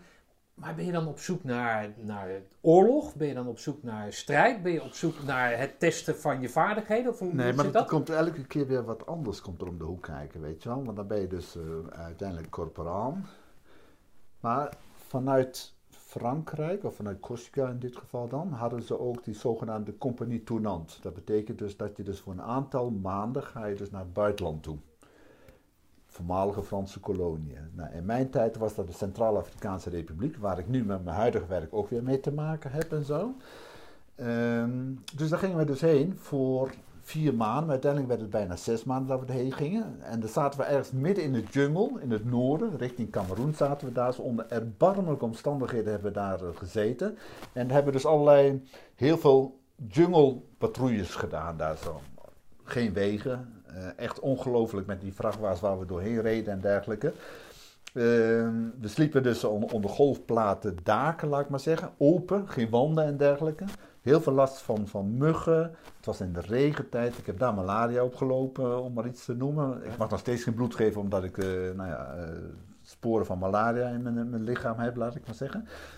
Ehm, daar heb ik to- tot twee keer toe meegemaakt dat wij dus achter de hele nacht achter het vliegtuig lagen. Helemaal bepakt met munitie, scherpe munitie. En dat we dus eh, klaar stonden om, om ingezet te worden in Cameroen. Omdat daar iets aan de hand was, een soort van staatsgreep. Eh, dus dat was heel spannend. En daar gingen we voor. Hè? Ja, achteraf denken we dus van hoe kun je zo, zo denken. Maar eh, uiteindelijk werd het afgeblazen. Maar wij zagen onszelf al in, op de voorpagina staan over de hele wereld in alle kranten. Want het legioen springt op Cameroen om daar een staatsgreep te verijdelen. Maar dat is taak, toch? De taak, maar als je jong bent, dan heb je zoiets het avontuur. Maar ik vergelijk het altijd met, ik weet niet of je dat weet, de Eerste Wereldoorlog. Dat de oorlog begon, dat je dus eh, al die militairen ziet eh, van verschillende landen die dus lachend naar het front toe gingen.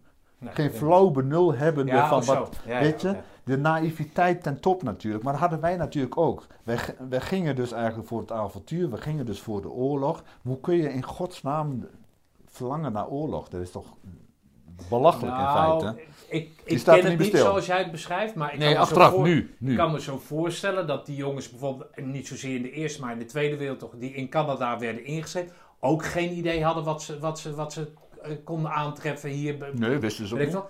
Maar jullie hebben daar natuurlijk met z'n allen wel voor gekozen, Ja. toch? Dus dat Ja. is het verschil dan, toch? Nee, ja, maar oké. En daar gingen we ook voor. En we waren heel erg teleurgesteld dat het niet doorging. Dat het echt op het allerlaatste moment eh, afge, afgeze- afgeblazen werd en zo. Maar als je erover terugdenkt, na zoveel jaar, dan denk wel, hoe kun je God nou verlangen? Want vanzelf was Ja, je horizontaal teruggekomen. eh, Ja. Of met een paar ledematen minder en zo. Maar als jij dan zeg maar de trein neemt naar Marseille voor de eerste keer, dan, dan, dan, dan weet je dat je daar Ja, dat, dat tot een mooie daar ging je ook voor. Daar ging je ook voor. Ja.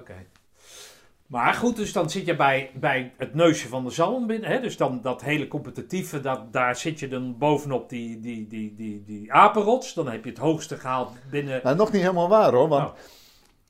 zelfs binnen het, de parachutisten, en dan zit je al op een het, eh, bepaalde hoogte op die apenrots, eh, zoals je zegt. Dan had je ook nog weer de tweede, de tweede compagnie, dat was de compagnie Bergen. Daar had ook weer een, een bepaalde status. Want dat waren de mensen die voornamelijk in de bergen zaten, die vaak op pad waren. Ik heb daar ook fys- fysiek gezien heel erg afgezien, veel meer dan eh, waar dan ook. Qua kou, maar ook van qua eh, de afstanden die we af moesten leggen in de bergen en dan eh, met natte kleding slapen en weet ik veel wat allemaal, wat voor ellende. Daar heb ik dus echt wel afgezien. Maar we werden wel gezien binnen het regiment als weer de rouwdouwers, laat ik maar zeggen. Dus Ja, dan had je ook weer een bepaalde status. Maar binnen die opleiding, daar, en zoals jij zegt, in Centraal-Afrika toen jullie daarheen Ja, gingen, daarna ja. dan, dan was dat gewoon machtsvertoon. Wij zijn daar. Let op, want wij zijn daar. Of, of, had het echt een, een bepaalde taak? Dat had een bepaalde taak. Oh. En dat is heel grappig. Nou, er is niks grappigs aan trouwens hoor. Ja, nee, zo Nee, want, want in. in ehm, eh, even kijken hoor, dat was dan 81, dat was in 1982 dat we daarheen gingen. Dat was dus gewoon een strijd tussen de moslims en de christenen. Die moorden elkaar uit. En wij waren dus in feite daar zo om de situatie te herstellen. En de Franse belangen natuurlijk te behartigen. Ja. Hè? Want ook daar zijn veel grondstoffen. Ja, dat wist Ja. ik toen niet. Hè? Maar dat, dat weet ik nu, weet je wel. Er waren gewoon, ja, Frankrijk had gewoon heel erg grote belangen om dat land gewoon eh, onder controle te houden. Ook al was het zelfstandig. Ja. Maar in 2013, nee, 2000, ja, 2013, 2000, Nee, 2013, ja. Zijn de Fransen, ik was, werkte toen voor de Nederlandse politie in Frankrijk en dan zag ik beelden op de, eh, op de Franse televisie. Dat de Fransen dus weer naar de Centraal-Afrikaanse Republiek gingen. Dat ze weer in Bangui waren. Het grappige was dat er in de- 30 jaar tijd blijkbaar niks veranderd is. Want die onverharde wegen van toen die waren nog steeds onverhard. Die rode, rode eh, wegen, laten we zeggen, van rood zand en zo. En dat ze daar nu weer waren, 2013 dus, ook om de christenen en de moslims te scheiden, omdat die elkaar weer aan het uitmoorden waren Ja. en zo. Weet je, ik denk van wat triest eigenlijk, 30 Ja, jaar tussen. dat is wel- dat is Niks aan veranderd. Ja, niks aan veranderd. Zelfs de situatie ter plekke niet, die beelden die ik zag en zo, Ja. heel bijzonder.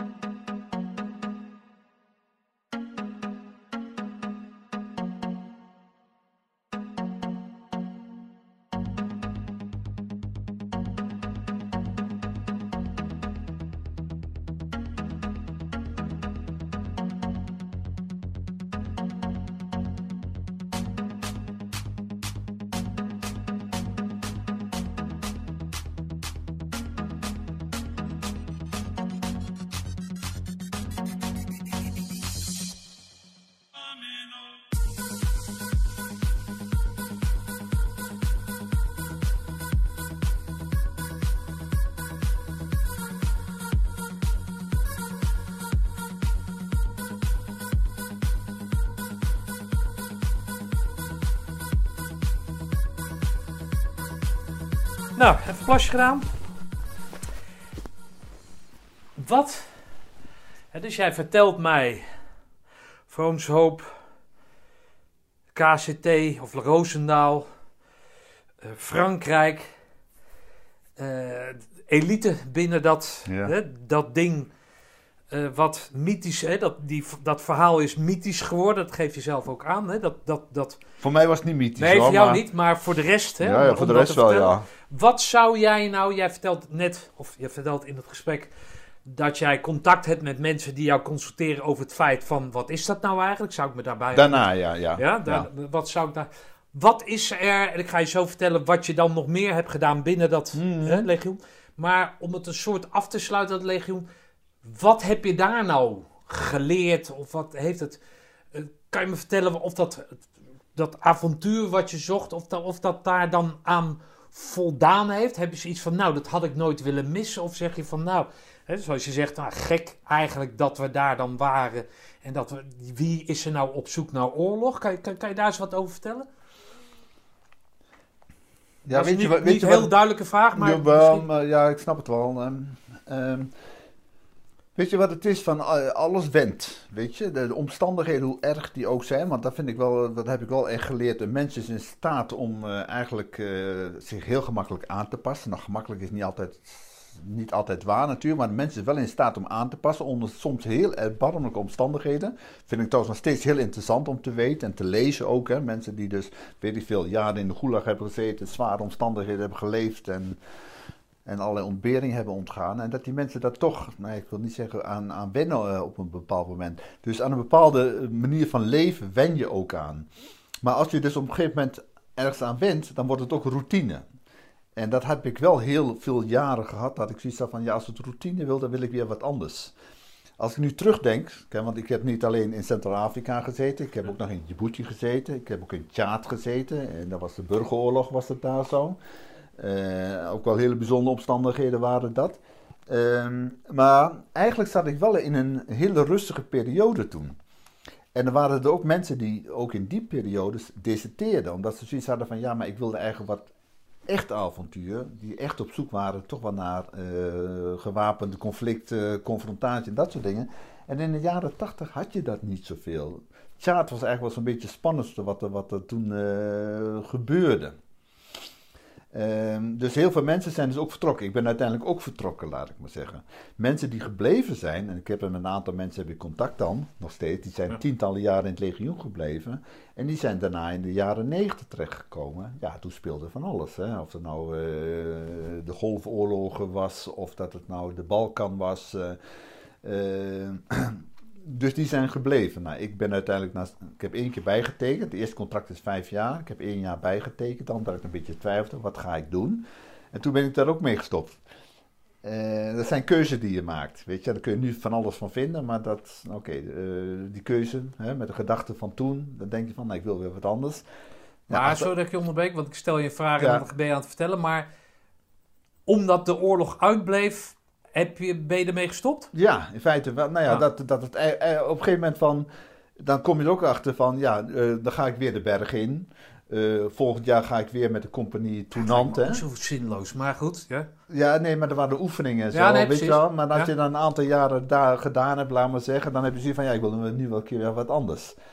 Met de gedachte van toen, hè, als jonge knul. Dat Ja. je denkt van, ik wil weer wat anders en zo. Dus uiteindelijk zeg je van, ja, word je gevraagd, maar ze willen me wel graag houden en zo. Ik zeg van, nee, ik stop ermee. Zoals zoveel trouwens. Hm. Hè? En er is ook niks echt, iets echt spannends aan de gang, aan de hand. Nee, je kan het natuurlijk nooit van tevoren voorspellen wanneer er een Nee, oorlog komt. nee, Ja. nee, nee. Dus uiteindelijk ben je weer teruggegaan. Ja, en achteraf heb je wel zoiets van, ja, misschien had ik wel moeten blijven. eh, Zus of zo. Maar ja, dan had ik hier niet gezeten met mijn zoon bij wijze van spreken, met mijn echtgenoten. En, Maar goed, dus Maar dan, dan teken jij een jaar bij en dan besluit jij dus in dat jaar ga ik even aankijken of er nog wat aan zit te komen. En anders, ja, dan heb je van wat, de, de twijfel, weet je wel. En je moet dan eh, beslissen van bijtekenen of niet. Je kunt bijtekenen van zes maanden tot eh, maximaal drie jaar. Ik heb dus voor een jaar bijgetekend. Er staat ook weer een premie tegenover natuurlijk. Maar oké, dat was niet het belangrijkste. En ook nog steeds een moeder die zegt van kom maar terug, kom maar terug, weet je wel. Ja. Eh, en dan denk ik van nou, ik ben nu wel even weer uitgeavontuurd. Ik ga wel wat anders doen.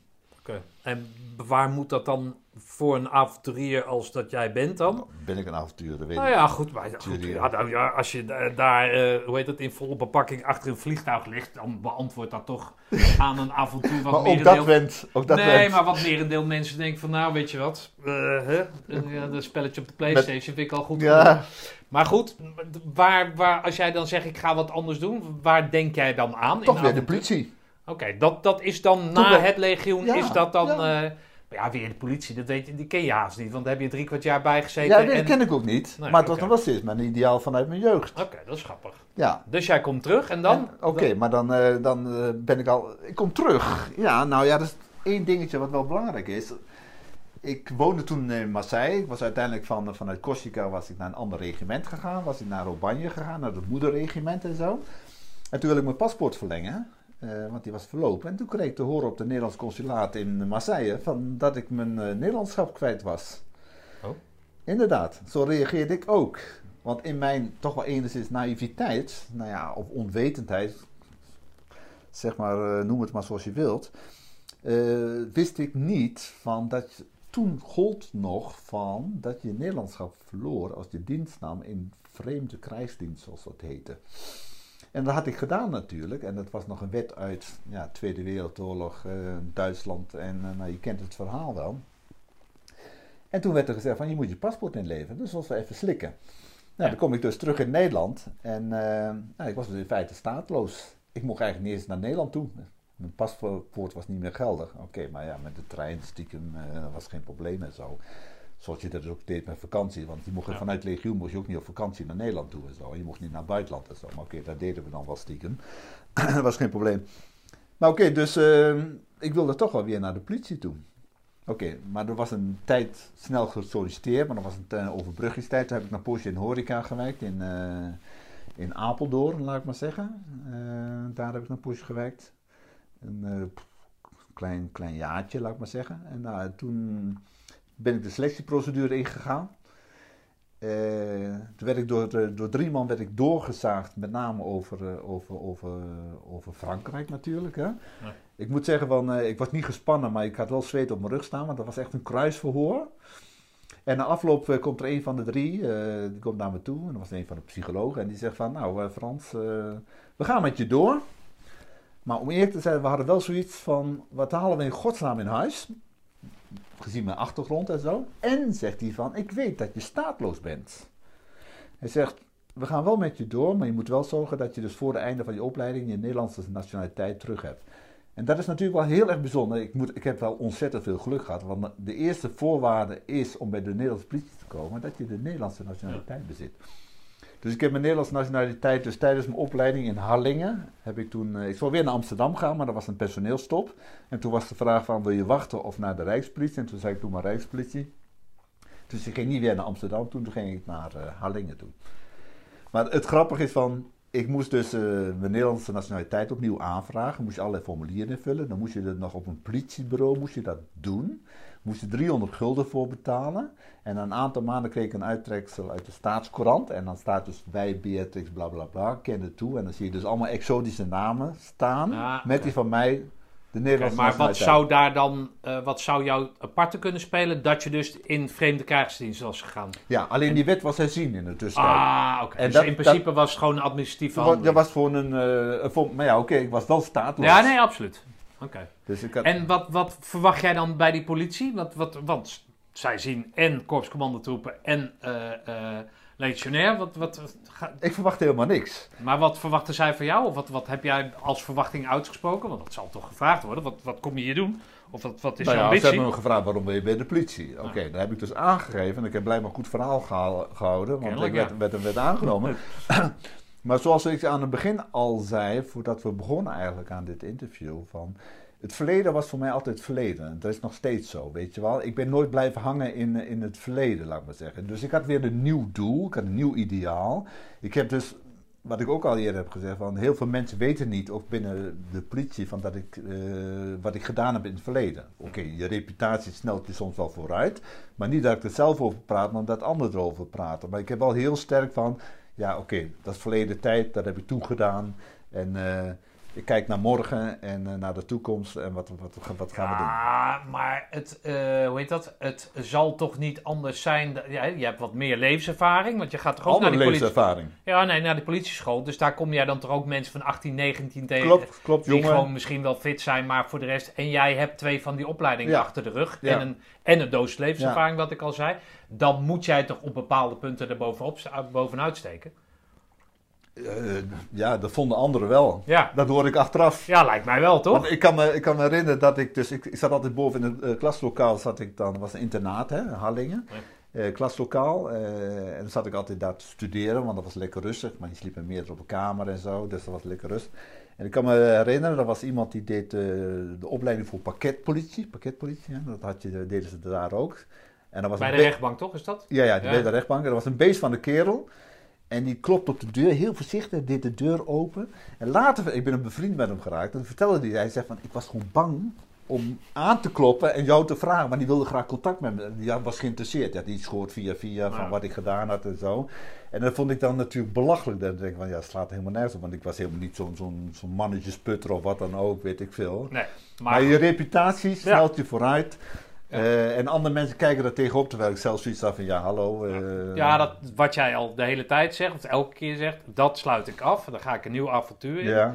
En ik zag, keek er anders tegenaan dan dat zij het deden. Ja, door de ervaring die je had. Nee, omdat ik zoiets had van, eh, wat ik heb gedaan, ja oké, leuk. Maar ik had altijd zoiets van, het zijn altijd situaties geweest die eh, veel, veel, veel indrukwekkender zijn, erger zijn. Zoals bijvoorbeeld wat ik vertelde, die man die ik vanmorgen sprak, die dus de onafhankelijkheidsoorlog. Dat ik denk van, in feite, ik heb geen oorlog meegemaakt, ik ben gezond teruggekomen. Nee, natuurlijk. Maar eh, nogmaals, als jij met die ervaring die je hebt, zelf opgezocht ook nog, Ja, ja. toch? en je zit met jongens spijkerbroeken die uit de maatschappij of uit, uit de burgermaatschappij komen en die zitten op diezelfde opleiding, dan is daar een verschil. Uitzicht dat ook in, weet ik veel wat, dat, ze voor, ja, dat jij een andere ambitie, ben je dan weer op zoek naar zo'n mountain-achtig iets Nee. binnen de politie? Nee, Of, of, ik kan me heel goed aanpassen wat dat betreft. maar wat, wat, was je, wat is jouw toekomstperspectief dan op dat moment binnen die politie? Eh, nou ja, gewoon een normale carrière binnen de politie, laat maar Ja, wat- zeggen. wat- ik heb geen idee hoe een normale carrière bij nou de ja, je, politie je, eruit gaat, ziet. je begint op straat. Je begint gewoon op Maar straat. vind je dat leuk? Lijkt je dat leuk? Ja, inderdaad, dat leek mij toen inderdaad leuk. Ja, ja, ja, ja. ja. Wat ja. vind je daar dan leuk aan, als ik vraag maar? Ja, je, komt van- je hebt vrooms Ja. op dit, hè, dus, dus je, wil, je wil meer van de wereld zien. Beantwoord het daar, straatdienst, beantwoord daar aan of niet? Maar wel in de stad. Ja, nee, tu ja, nee, Dat, tuurlijk. hè, dat moet wel Ja, nee, in, tuurlijk. in de stad. Ik, ik wilde Ja. niet in Vromsoop. Kwam Maar hij laat- zit bij de Rijkspolitie, dus Ja, dat maar betekent kwam- toch dat het Ja, niet in de stad is. Ik kwam dus bij de BOPO's, zoals dat heet, bij de boerenpolitie terecht. Ja. Eh, dat wordt en- gekscherend, zo ja, de ja, Rijkspolitie. BOPO's werden genoemd. En ik kwam dus inderdaad, wat ik je vertelde vanmiddag, in de Hoekse Waard kwam ik terecht. Ik woon in Heinenoord, in het dorp van, eh, van Driek en X. En dan in het weekend zat ik dus s'avonds laat eh, te patrouilleren op de dijken. Waarvan ik dacht van, wat doe ik hier in godsnaam? Weet je, wat, wat Was maar te vroomshoop gebleven. Nou ja, nee, dat, dat, Nou ja, heb ik altijd, van. dat heb ik altijd ontvlucht natuurlijk. Ja, en en uiteindelijk, uiteindelijk kom ik dus weer op een plek waarvan ik denk van, maar hier wil ik helemaal niet zijn, weet je wel. En dan heb ik mijn ervaring die ik op heb gedaan, dan kom ik hier terecht, weet je. Dus ik heb de, snel de overstap gemaakt vanuit de Rijkspolitie naar de gemeentepolitie toen dan, naar Rotterdam. Oké. Om Maar dat maar was weer- nog niet, want dat, op een gegeven moment is, zijn die beide politiediensten zijn opgegaan Nee, in de landelijke politie. dat Oh, is dat is later. Dat is later. Dus jij was klaar met, of klaar, je zag jou niet met, ja, hoe noemen we dat? Bopo's, boerenpolitie. Bo- Oké, bo- bopo's. Ja, dat wordt door de gemeentepolitie gezegd, Ja. En dan kies jij weer voor het avontuur in, In de grote wel, stad. in de stad, ja. Oké. ja, ja. En, en, en hoe ziet dat eruit dan? Nou ja, uiteindelijk doe je dus gewoon eh, normale eh, politiewerk, eh, straatwerk. Door mijn buitenlandervaring kwam ik vrij snel bij de Vreemdelingendienst terecht. Dus toch wel weer het buitenland, het internationale en dergelijke. Want ik mag aannemen dat je ondertussen vloeiend Frans sprak, toch? Ja, ja, ja. Ja, oké. Dus dat was, Nee, nee, nee, je was goed bepakt en bezakt. Ja, wat dat betreft wel. Ja.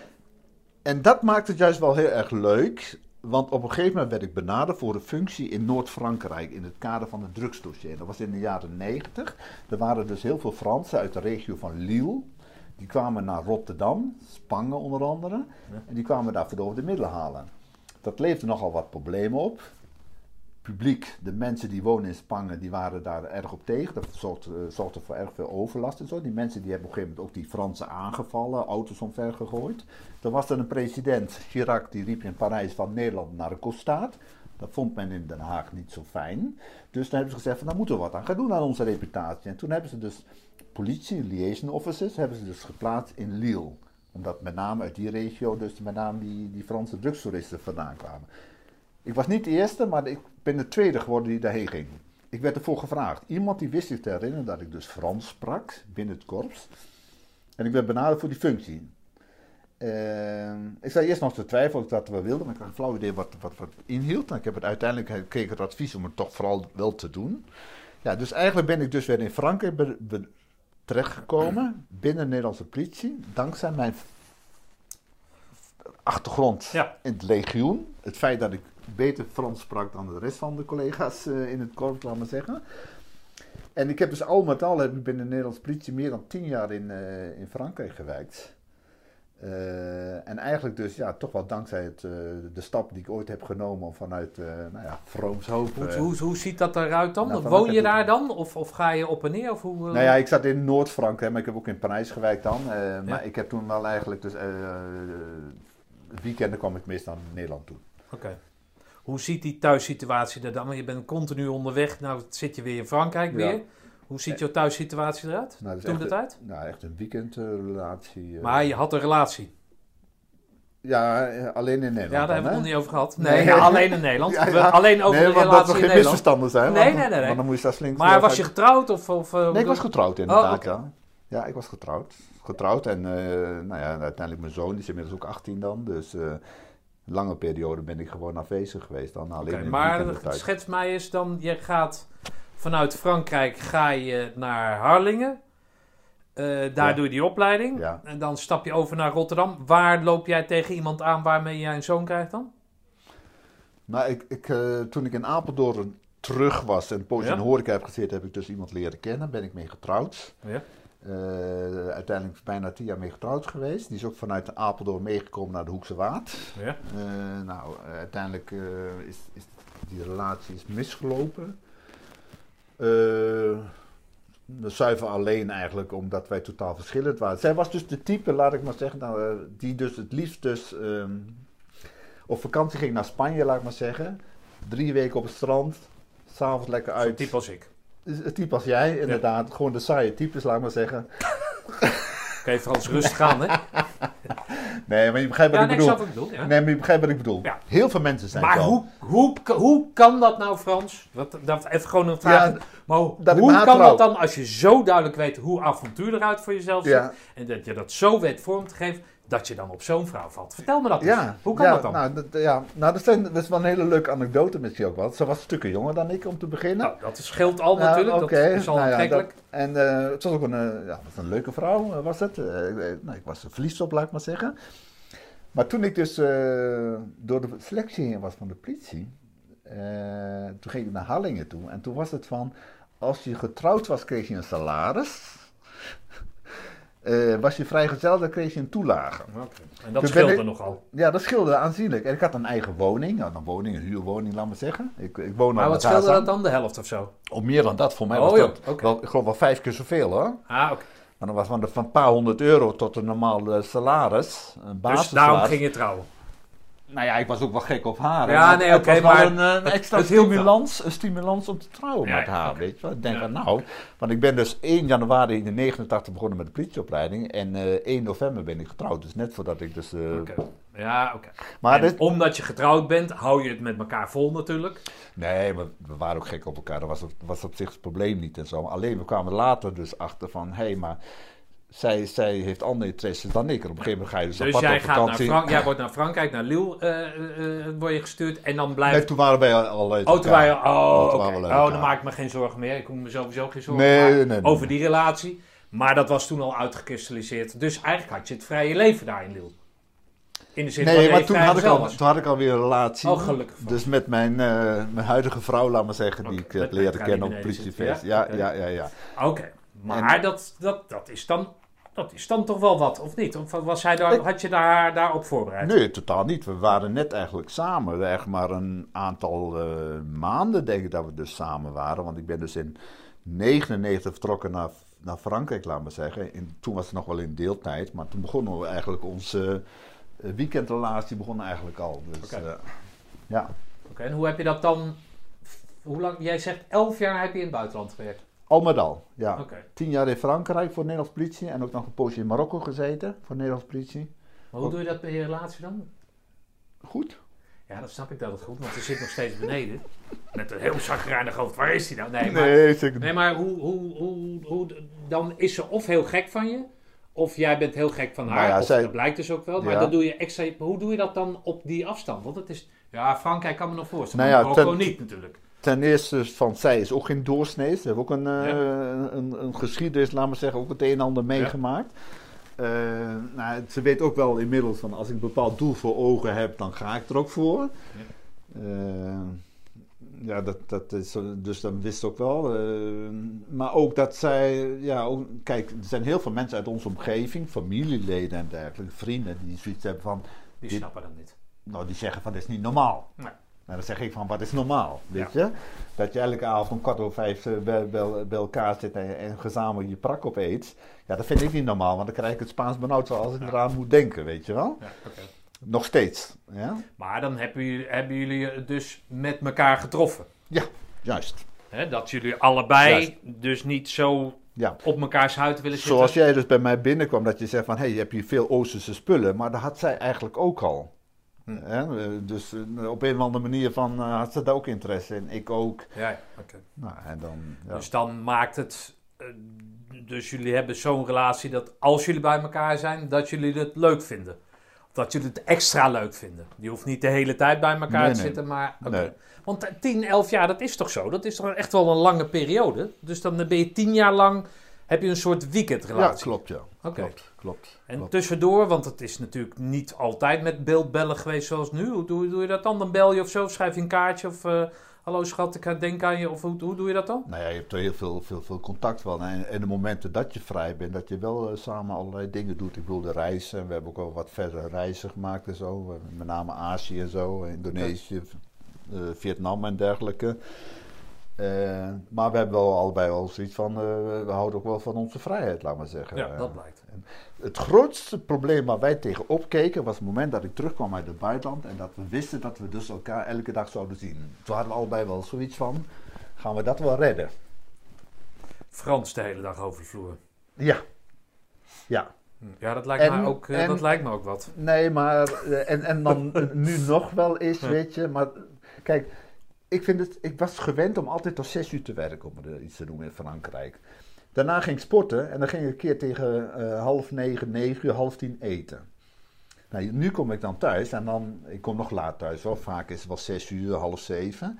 En ik vind het verschrikkelijk als ik direct moet eten, weet je wel. Laat mij gewoon even mijn krantje doen of eerst sporten, want sport is wel een eh, dagelijks, nou niet een dagelijks onderdeel, maar toch wel drie, vier keer in de week moet ik even sporten en zo. Eh, maar dat weet ze gewoon, weet je wel. Dus dan heeft ze zoiets van, nou ga je, doe je lekker je ding. En eh, je eten staat, klaar als je dat wilt. En anders red je je maar. Nee.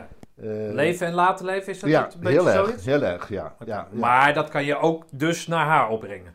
Ja, inderdaad. Dus als je thuis komt en er is geen eten, dan ga jij niet meteen Nee, bellen maar dat zal of niet eh, gebeuren, de want politie zij- bellen van eh, wat Nee. er nou mij is gebeurd. Kunt u... Nee, maar we hebben wel een zoon van 18. Hè, Nee, oké, ja, was- je moet is ook wel jongen iets- geweest. Ja. Dus, hè, dus die moet dan wel zijn eten hebben en die moet naar school. En, en ik moet ook wel werken en zo. Maar ik heb zoiets van, ik moet werken om, ja, om, om enigszins wat, wat geld te verdienen, laat ik maar zeggen. En ik heb helemaal geen hekel aan werken, het tegendeel zelfs. Maar daarnaast ben ik vrij. En als ik vrij ben, bepaal ik wat ik zelf wil doen. Hey, dat- vertel mij eens of schets mij eens wat, waar, dat, eh, eh, eh, waar dat werk uit bestaat in Frankrijk. Wat, wat stuur je aan? Wat probeer je daar te... Wat is Toen, je missie? wat is, deed, ja, wat, je, wat is je missie? Nou, dat, nou ja, dat was dus eigenlijk als verbindingsofficier voor de Nederlandse politie. Eh, dus tussen Nederland en Frankrijk. Eh, eh, dus in eerste instantie was het alleen voor het drugsdossier, maar daarna werd het uitgebreid. Had ik ook een veel groter gebied, was ik verantwoordelijk voor heel Noord-Frankrijk. Ja. Ik had een eigen bureau in Lille en in Straatsburg, daar werkte ik. Ja. Ik was volledig geïntegreerd binnen de Franse politie. Dus ik zat niet op de Nederlandse ambassade, maar gewoon bij de Franse politie. Eh, en dus alles in het kader van allerlei onderzoeken die er speelden tussen Nederland en Frankrijk, was ik dus echt de tussenpersoon. Tussenpersoon in de zin van als de Fransen de Nederlanders hadden nodig hadden, dan wist jij de juiste man of vrouw te bereiken van nou dan bel ik die wel Ja. even. En dan wordt daar een samenwerking opgezet. Zoiets? Ja, dat was de praktijk, maar in Ja. feite hadden de Fransen dus ook verbindingsofficieren in Nederland zitten, Ja, net andersom. juist. Ja. En de Nederlanders hadden dus Nederlanders in Ja, Frankrijk ja, zitten. ja. Maar omdat ik natuurlijk intern in het bureau zat, kwamen ze wel heel snel bij mij binnen, weet je wel. Maar ik was natuurlijk nou ja, beroepshalve ook nieuwsgierig, want als er een onderzoek was met een link met Nederland, dan wilde ik wel graag weten waar gaat het over. Dus dan was ik ook wel bereid om te helpen, want dan kon ik ook mijn voordeel ermee doen natuurlijk. Het is wel grappig dat je dan dus zeg maar in dat legioen hebt gezeten, zeg maar intern daar in Frankrijk hebt gewoond. En nu, eh, dan ben je de taal machtig en in één keer zit je gewoon in dat, ook in dat sociale leven in Frankrijk. Ja. En omdat je daar zit, heb je ook vrienden daar, kennissen, Ja, een ja. kroeg waar je wellicht komt, eh, een beetje zo. Ja. Ondanks dat je geen kroegtijger bent, maar... Nee, nee, nee, nee, Toch? nee, nee, maar echt, nou ja, sociaal wat eh, ook wel, maar dat was toch met, met name met de collega's. Oké. Eh, maar gewoon het professioneel was ik dus volledig. Ik maakte deel uit van de, van de, van de nou, laat maar zeggen, de, de, de politiewereld, de Franse politiewereld. Is ook een soort van familieband, is Ja. dat toch wel. Is heel sterk, want de Fransen brengen wel heel veel tijd, de Franse politie brengen wel heel veel tijd met elkaar door. Oh ja. Veel meer dan de Nederlanders, laat maar zeggen. Ja. Veel meer, veel meer, veel meer.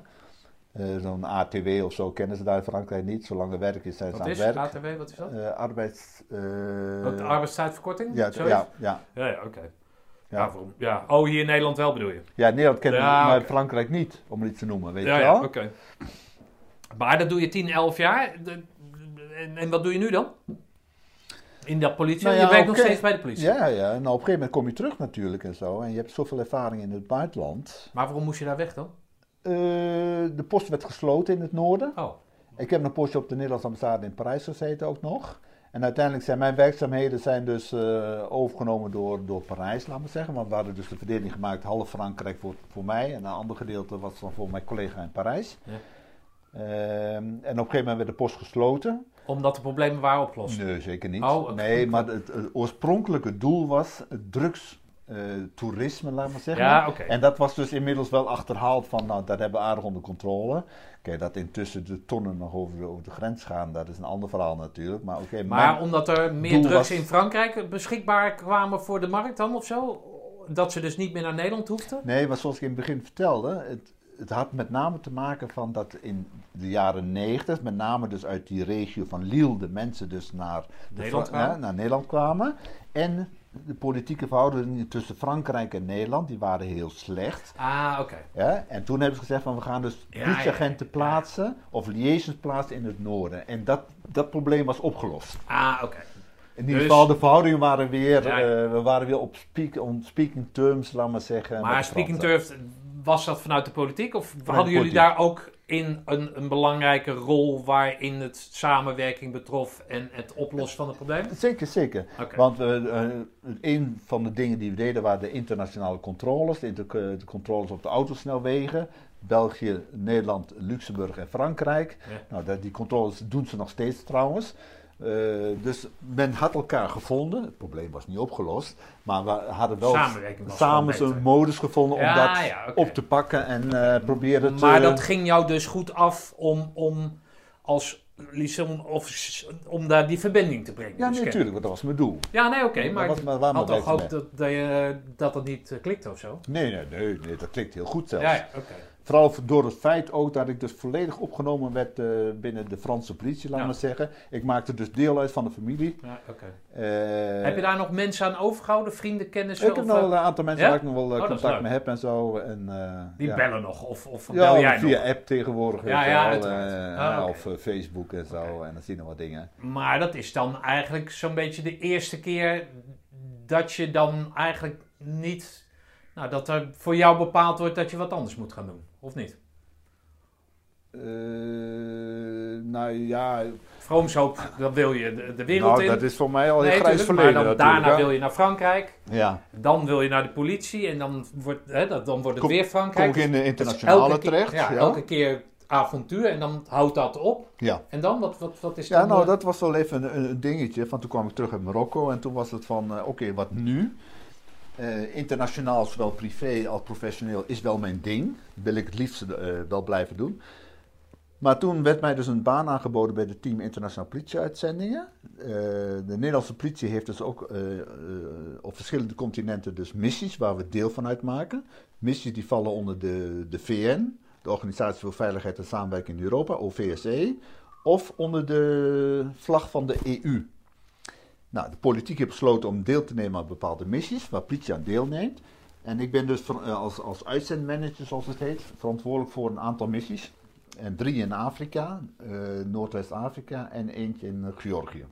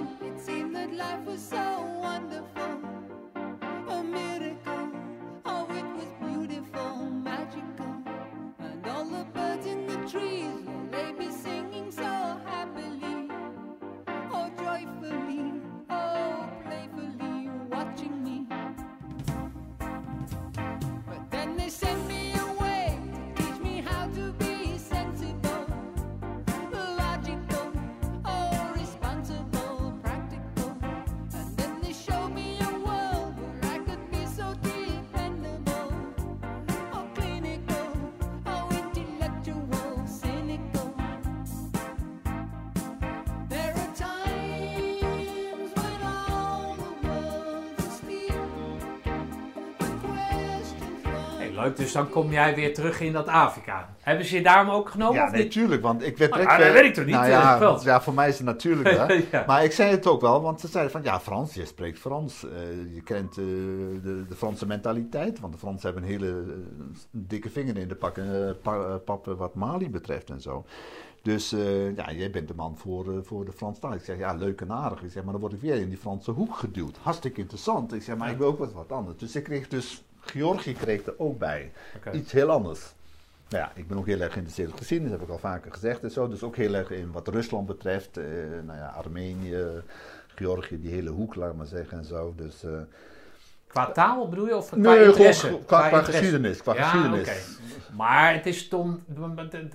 Dat hele, jouw hele verleden heeft wel weer meegeholpen in die, die functie die je nu hebt. Ja, absoluut. Mijn internationale interesse. Helpt het dan ook nog dat je leg- legionair bent geweest? Helpt dat Oh, dan ook? nee, daar wordt niet naar gekeken. Er zijn maar een paar mensen Ah, die ja, dat goed, weten. als, als, als eh, weet ik veel, eh, Midden-Afrika en er komt iemand, en wat jij zegt, Nee. als je in Frankrijk, hè, je bedankt voor het ver- verdedigen van, van ons land, als Ja, je ja. dat hebt, dan, dan ben jij toch de meest geschikte figuur om daarheen te gaan? Al- als, als dat te sprake komt bij een Fransman. Die Ja. zal zeggen, ja wel, maar dat komt, op voorhand komt dat niet te sprake. Vaak horen ze dat achteraf, via via dan. En dan niet eens van mezelf bewijs van spreken. Van, hé, maar die heeft in het legioen gezeten. Ja, nee, oké. Nee, Zo gaat nee, ik dat. snap het. Zo gaat dat. Hey, en wat, wat, wat, hoe, wat, wat is dat dan, een politiemissie? Wat, wat, wat doet Nederland? Nou, het is afhankelijk van de missie waar we, waar, waar- waarvoor we zitten. Als je, je hebt dus trainingsmissies. Dan Ja. proberen we dus de lokale politie, gendarmerie, eh op te leiden. Eh, een beetje naar Europese standaard en dergelijke. Eh, hoe ga je om met eh, nou, ook mensenrechten aan de ene kant, maar ook met, met gender bijvoorbeeld, hè? integratie van vrouwen, dat soort dingen. Zit je in Georgië, dan is het met name dus de gebieden die dus gecontroleerd worden door de Russen, laat ik maar zeggen. Eh, dus die eh, grenscontroles en dergelijke eh, doen ze dan. Heb ik andere functies hoor, trouwens ook wat hogere functies en dergelijke. Maar met name heeft het daar wel mee te maken. Dus die... Maar dat gaat dan de manier van aan. Is dat dan hele, het hele praktische? Of, of van je houdt zo'n auto aan. je, Nee, dat echt controles. Nee, want eh, ehm, ja, dan heb je het over Rusland of gebieden die onder Russische invloed staan. Hè. Dan heb je het over Abhazie en Zuid-Ossetië. Nou, wat er bijvoorbeeld gebeurt, dat de grenzen dus heel stiekem verlegd worden. Beetje landjepik, ja. Dat gebeurt bijvoorbeeld.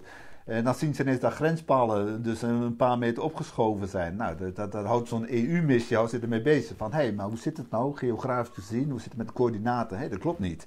Of er hangen ineens camera's en zo die er voorheen niet hangen. Weet je? Maar wat gaat. Wat is de. Dus er gaat worden, weet ik wat, eh, drie politiemensen of politievrouwen worden naar Georgië gestuurd. En wat gaan die daar dan onderrichten? Wat, wat, Ja, je moet het zien als in eh, Nederland is maar een heel klein onderdeel binnen het grote context. Ja. Als je kijkt dan hoeveel eh, honderden mensen dus vanuit allerlei landen van de EU daar aanwezig Oh, zijn. ik heb geen idee. Nee, dat weet ik. Nee? Onder de vlag van de EU. Ja. En die dus een gezamenlijk doel hebben. Dat is een politiek doel, die heeft men zich gesteld. De EU heeft gezegd van wij gaan dus daar een invulling aan geven. En er worden dus binnen de hele EU worden dus de landen bevraagd van willen jullie mensen leveren voor die, voor die missie. Ja, ja. Nou, hetzelfde is het in, we zitten ook in eh, Libië, we zitten in Somalië. Nou, Mali heb ik het over gehad. In Niger ben ik ook verantwoordelijk voor trouwens. Eh, nou, we zitten in Kosovo, we zitten in eh, Oekraïne. Georgië. Hey, en, en die mensen die daarheen gaan, afgezien van wat ze moeten doen, waar, waar selecteer jij die op dan? De mensen het zijn om te beginnen vrijwilligers. Oh, oké. Dus daar als- begint het mee. Ja, als uitzendmanager ben ik betrokken bij het hele proces. Al dan niet indirect. Eh, vanaf de selectie, assessment, opleiding, aanvullende opleiding, gereedstelling noemen we dat. Ik ben dus nu bezig met drie verschillende missies om de mensen in de missie te krijgen. Ik ben dus op dit moment bezig met 15 man die zijn bezig met een sollicitatieformulier, allemaal in het Engels of in het Frans. Eh, als ze geselecteerd worden, dan krijgen ze een interview. Dan bereid ik ze voor op de interview. Dan zorg ik ervoor. Ik heb twee mensen die vertrekken binnenkort voor Mali. Dus ik heb afgelopen vrijdag heb ik een, eh, een, een landenpresentatie gehad, gedaan, laat maar zeggen, om die mensen voor te bereiden op een vertrek waar een Ja. familie bij aanwezig is. Wat grappig. Eh, want die familie heeft ook zoiets van, waar gaat mijn Ja. man heen, weet je wel? In wat voor gebied? Mali, kijk maar in de krant, in de media, want er wordt eh, van alles over geschreven. Er gebeurt echt heel veel. Er vallen toch wel veel doden, laat maar zeggen. Ja. Niet zozeer onder de missiegangers, maar wel onder de, militairen. Er zitten ook allerlei militairen daar vanuit eh, verschillende landen. Dus als iemand gaat weg, dus dan regel ik van, dat laat ik regelen dan, geef ik dan opdracht van, van de vliegticket toch tot de inentingen, eh, materiaal dat ze mee moeten nemen, hebben ze wapens, eh, eh, helm, eh scherfvest en dat soort dingen. Gaan ze vertrekken, ben ik verantwoordelijk voor de hele periode dat ze weg zijn. Ze gaan voor een jaar, komen ze na een jaar terug. Totdat ze weer teruggaan in hun eigen eenheid, ben, ben ik dan als. Ik ben niet de enige natuurlijk. We zijn met, op dit moment met, met, met zeven uitzendmanagers. Ja. En dan de verdeling gemaakt van de verschillende missies. Dan ben ik dus vanaf het begin tot het einde verantwoordelijk voor. Ga jij, mensen. bezoek jij ze ook nog? Dat is wel de bedoeling. Oké. Twee keer per jaar moeten wij die eh, missie be- bezoeken. Ik ben een jaar, anderhalf jaar werkzaam voor deze eh, dienst. Alleen met eh, COVID afgelopen jaar konden we niet, Ja. mochten we niet reizen. Maar ze zitten er wel. Ze zitten er wel. Ja, ja, oké. Ja, eh, soms, soms dan lukt het niet om die mensen in de missie te krijgen of terug te krijgen. Ja. Dus dan, dan moest er dus vluchten geregeld worden met Defensie. Nou, Nederlands, de Nederlandse Defensie vloog niet op Mali, om maar iets te noemen. Die mensen moesten toch terugkomen. Einde van de termijn staat erop van een jaar. Dus dan weer contacten met de Duitsers. En uiteindelijk zijn ze dus met Duitse vluchten vanuit Mali teruggekomen naar. Oké. Ja, dus Hey, wat, wat, wat, wat, dat, daar zit je helemaal tussen dan. die mensen die jij dan spreekt, hè, die daar dan vrijwillig op solliciteren, Ja. zijn dat een beetje typisch zoals jij bent? Die zitten er tussen inderdaad, ja. Oké. Ja. Dus Ja. dat vind jij leuk. Dat Ja, herken nee, jij. Nee, maar eh, kijk, daarom is het wel een functie, nee, een functie eh, Ja. waar ik dus heel erg blij mee ben van dat ze mij dat hebben aangeboden en zo. eh, je blijft toch in de internationale, laten Ja. we zeggen. Weet je? Dus ik spreek met mensen die ook interesse hebben in internationaal. Nou, je hebt een enkeling erbij die een verkeerde keuze maakt, die zoiets zegt van ja, maar dat wil ik eigenlijk helemaal niet en zo, weet je. Ah, Oké. Die een beetje te enthousiast waren, maar 90%, meer dan 90% die hebben een bewuste keuze gemaakt, die ook een assessment hebben ondergaan. Ja. En ook psychologische test en dergelijke, eh, waarvan wij, wij vinden van die is geschikt. Ja. En kom jij wel eens mensen tegen binnen het, het grote politieapparaat waarvan jij tegen wie jij zegt van joh, je zou eens bij mij moeten komen, hè? je zou eens bij mij moeten solliciteren, want ik vind jou wel, wel een Nou, type. bij ons, ja. ja. Ben, je, ben je daar een, een beetje aan het scouten, zo tussen neus en Nou ja, door? we zijn heel erg bezig met het recruteren van mensen. Recruteren, scouten. Ja, ja, nee, nee, nee, nee, maar inderdaad, dat, eh, ik, ik heb ook wel mensen, maar oké, die mensen weten mij ook wat te bereiken, maar die weten wel van waar ik werk en zo. Ja. Alleen we zitten nu met een algemene capaciteitsprobleem eh, wat de Nederlandse politie betreft. Dat de eenheden, want die moeten toestemming geven. Ja. Je dat kan die mensen gaan. willen, maar dan moet je, ja, moet je nou, wel ze kunnen dat niet weigeren. Ze kunnen niet weigeren. Want er is wel een politiek besluit die er aan ten grondslag ligt. Dat Ja. wij deelnemen aan de missies. Ja. Hm? Hey, en die zeven andere uitzendmanagers, Ja. hebben die een soort gelijke achtergrond als, en niet zozeer, Nee, nee, maar het internationale achtergrond? Nee. Nee? Nee. Ik, ik denk, eh, nou ja, ik heb een collega die heeft eh, kijken, meer dan 15 jaar bij de mariniers gezeten. Ja. Die heeft ook de commandoopleiding gedaan, dus een collega. Want toen ik eh, de eerste keer kwam, anderhalf jaar geleden, toen zag ik een matje liggen van Korps Commandotroepen. Ja. Ik denk van, oh, dat is wel interessant. Die heeft zelfs nog de jungleopleiding heeft hij gedaan in, bij het legioen in Frans-Guyana. Ja, als mariniers zijn en Ah, zo. Schept een band. Ja, dat schept een band Ja. inderdaad. Maar oké, zo ja, die is daar ook dan terechtgekomen. Maar voor de rest, ja, er zitten wel nou, nee, weinig mensen met eh, echt... Ja, een, een collega bijvoorbeeld, die heeft een eigen bedrijf gehad in Nieuw-Zeeland. Er zijn wel mensen Ja, die dus een beetje... Het zijn niet de all-inclusive mensen. Nee. nou ja, kijk... eh, Nee, niks te nadelen van nee, zeker niet, mensen. zeker nee, maar het, het zijn wel de ik heb het mensen ook die... gedaan hoor, met mijn zoon Nee, en maar avontuur eh, herkennen, eh, avontuur erkennen en... en Soms ervaring hebben ook Ja, nog. nou ja, Ja. dat, je moet het toch. het- je- ik kan me voorstellen Ja. dat iemand denkt van nou, ik wil avontuur, maar waarvan jij in gesprek denkt van nou, jij, bent, jij neigt toch meer naar drie keer per dag hetzelfde buffet. En ik zou het niet doen. Ja, Heb maar je dat het- wel eens? Nee, maar nee, maar in het algemeen zijn wel de mensen die wel over de grens denken, zoals Ja, ik dat zeg, weet je wel. Anders zou je daar niet voor, voor solliciteren of interesse hebben, Ja, weet je. Hey, naast jouw werk eh, heb jij mij even in tussen neus en lippen doorverteld dat je ook eh, daarnaast nog avontuurlijk bent ingesteld. Kan je daar eens Wat wat over vertellen? Alle- alles is... eh, Alles is avontuur. Nee, nee, nee alles, alles, alles is maar betrekkelijk, laat maar zeggen. Weet je, wat ik vind als, eh, ja, dat heb ik gedaan. En anders zegt dat is avontuur, weet je. Wat, wat, Nou ja, wat is goed, maar jij vertelde dat je op de motor naar Moskou bent gegaan. Je kan ook met het vliegtuig naar Moskou. Ja, dat nou ja, nou, nou ja, dat was in het kader van eh, Napoleon dat hij ooit in Moskou was geweest. En dan was een reis van op de motor naar Moskou. In de voetsporen van Napoleon, dus gewoon die route volgen en zo en terug. Ja, ik hou van geschiedenis, ik hou van Frankrijk, ik hou van Napoleon, eh, laat maar zeggen. Ja, dat is één en één. Daar moet ik aan deelnemen. Doe je dat alleen dan? Nou, dat was wel met een groep en zo, maar Ja. omdat ik zoveel motorpech had, heb ik hele stuk alleen moeten rijden. Ja? En eh, op een gegeven moment waren ze mij ook kwijt. Waar lag dat aan dan? Had je een slechte motor? Nee hoor, ik had een hele goede motor, Oh, maar ik heb dus gewoon ontzettend veel pech gehad. Er vielen dingen uit die normaal gesproken nooit uitvielen en zo, waardoor ik in omstandigheden terecht kwam. En dan laat ze een groepsreis, maar dan laat ze je wel alleen. Nou ja, de reis gaat door natuurlijk hè. Want ik kan me herinneren, op een gegeven moment stond ik, was, we waren in Berlijn, het was vlak voor het vertrek.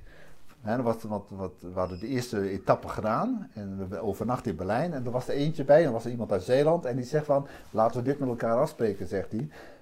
Samen uit, samen thuis. Ja. Nou, op een gegeven moment stonden we, even kijken, waar waren we toen? In, eh, poeh, we waren dus voor mij in Litouwen waren we op dat moment. En mijn motor viel uit. Weer. Was echt ongelooflijk. Ik heb een goede motor, hartstikke goede motor, maar op dat moment, alles zat tegen, alles zat tegen. En die beste man die tegen mij had gezegd van samen uit, samen thuis. En we stonden op het landweggetje, in the middle of nowhere. Die komt bij mij, oh, probleem met de motor? Hij draait zich om en dan rijdt zo weg, ik zie hem zo wegrijden. Heeft me gewoon laten staan. Fijne vent. Ja, ongelooflijk hè. En die er ook nog zoiets durft te zeggen, weet je. Maar ik had zoiets van, ik kom in Moskou, al zal het ook lopend heen gaan, maar ik, Ja. ik kom daar gewoon. Ja, Nee, oh, sorry. nou, maakt niet uit. Maar goed, die kerel rijdt dus door. Dus uit en, samen uit, samen thuis, dat gold niet voor Nee, hem. maar dat, dat, dat, daar had ik zoiets van, nou oké, prima, dat geeft meteen aan wat voor type je bent en zo. Nou, zoals je dat altijd eh, in het dagelijks leven mensen tegenkomt, waar je denkt, van, nou, je bent zo'n type, weet je wel. Nou, nou ja, oké, uiteindelijk ben ik wel in Moskou aangekomen. Ik heb er nog vrienden aan overgehouden en dergelijke. Ja, maar goed, eh, het was dus eh, zo, zo'n avontuurlijke rit dat je zelfs in de autokampioenen, wat nee, was dat dat? was in de Promotor, een blad van de ANWB. Oh, oké. Want eh, op verschillende locaties eh, ben ik dus eh, halverwege, laat maar zeggen, halverwege eh, tussen Litouwen en Moskou. Toen kwam ik dus eh, jongeren tegen. Ik kwam op een plein aan en eh, mijn motor was weer uitgevallen, was een één cilinder was uitgevallen. Eh, ik kon niet meer koppelen. De druk Ja. viel weg en zo. Dus, eh, maar ja, ik heb een BMW, dus ik kon er wel in gooien, laat maar zeggen, in de versnelling en zo. Dus er komt zo'n jonge knul komt naar, naar me toe op een motor eh, met half lang haren. Zo, hij was een goede twintiger. Hij zegt van, ik hoor dat je een probleem hebt, rij maar met me mee. En we kwamen net aan van een, van een rit met de hele ploeg.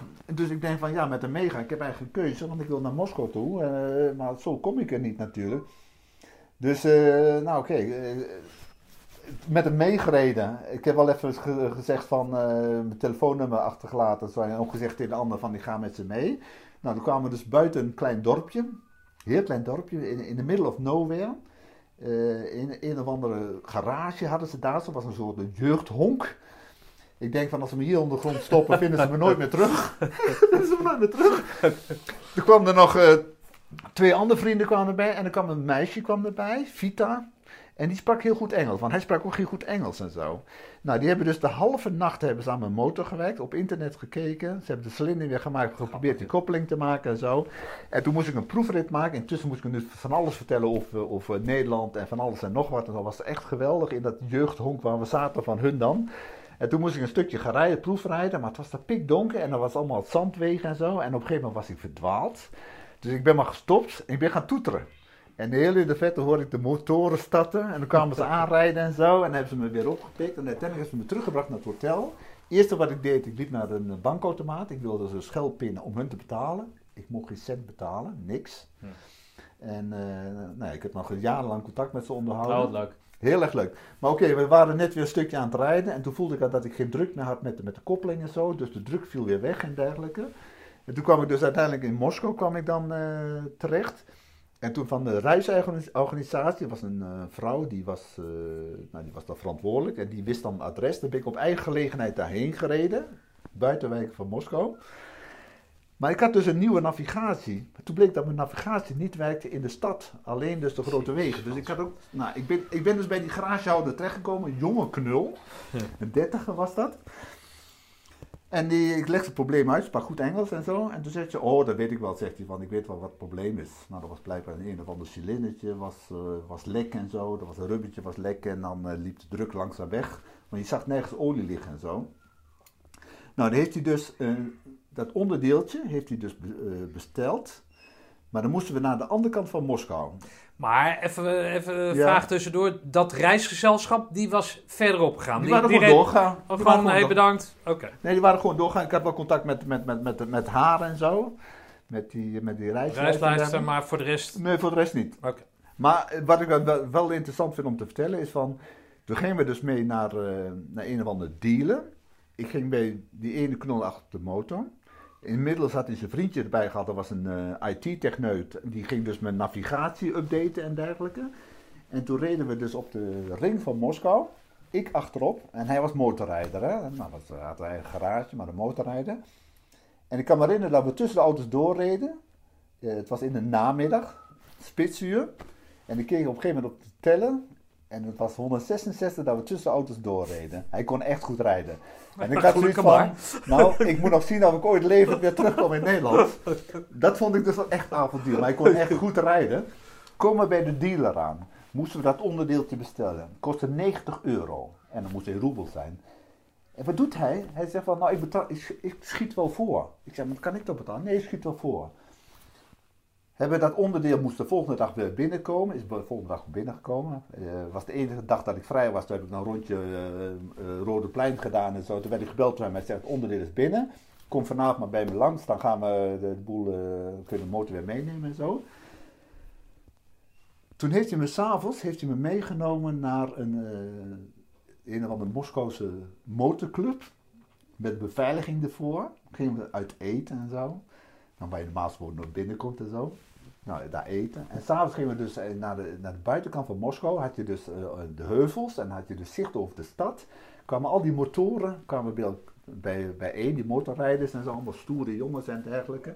En die hadden van die motoren, die waren verlicht. Een soort kermisverlichting. Weet je, dat, dat eh, bij de Ja, aan de wielen en zijkant. zo. Ja, ja, aan de zijkant. Ja. Het zag er niet uit. En dan liep ik dus met, met, met Sascha, met Alexander en met zijn maat en zo liep ik daar zo. En dan waren die andere Russen van, eh, de, nou ja, dat zag je die wheelies maken natuurlijk. Eh, eh, van, die, van die stoere motorrijders, tatoeage met blonde vrouwen achterop. En dan kwamen ze bij mij en dan zeiden ze van, wie is hij dan, weet je? Dat zeiden ze dan tegen mij, hè?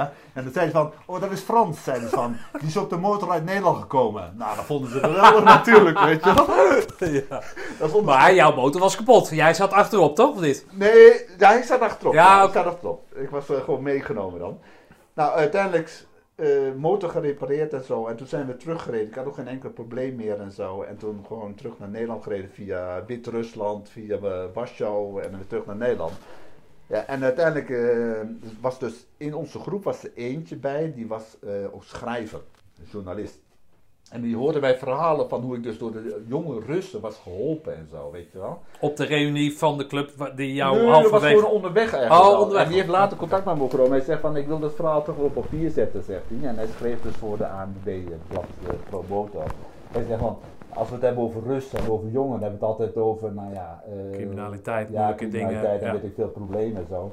En hij zegt van, hoe jij geholpen bent, dat geeft wel een heel Ja. positief verhaal eh, over, de, over de Russen. Frans, is, is dat, dat zoals jij... Dat kan aan die Russen liggen, het kan aan de, de, de Russische jeugd liggen. Maar is het exemplarisch voor hoe jij avontuur beleeft... en hoe jij openstaat voor andere culturen, mensen... Weet ik wat, dat die Nee. Russen jou helpen? Of Nee, is gewoon dat... geluk, gewoon toeval. Ja? Of Dat ligt het daarom aan de, aan die jongens, aan die, aan die Russen? Waren dat, zijn die uit het huis, juiste hout gesneden?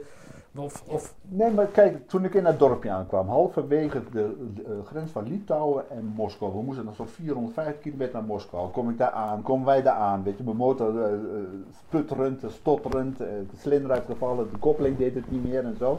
Komt die knuller met een half lang haar en zo. Fel- Veliki Luki heet dat plaatsje, dat nooit vergeten. Veliki Luki, klein plaatsje. Dat die knul naar me toe komt, dat hij blijkbaar van iemand heeft gehoord van, hey, er is iemand van ons in onze ploeg die heeft een probleem. Dat is toch toeval? Dat heeft niks met mij. ja, toeval. Maar als het twee keer gebeurt, wat dan?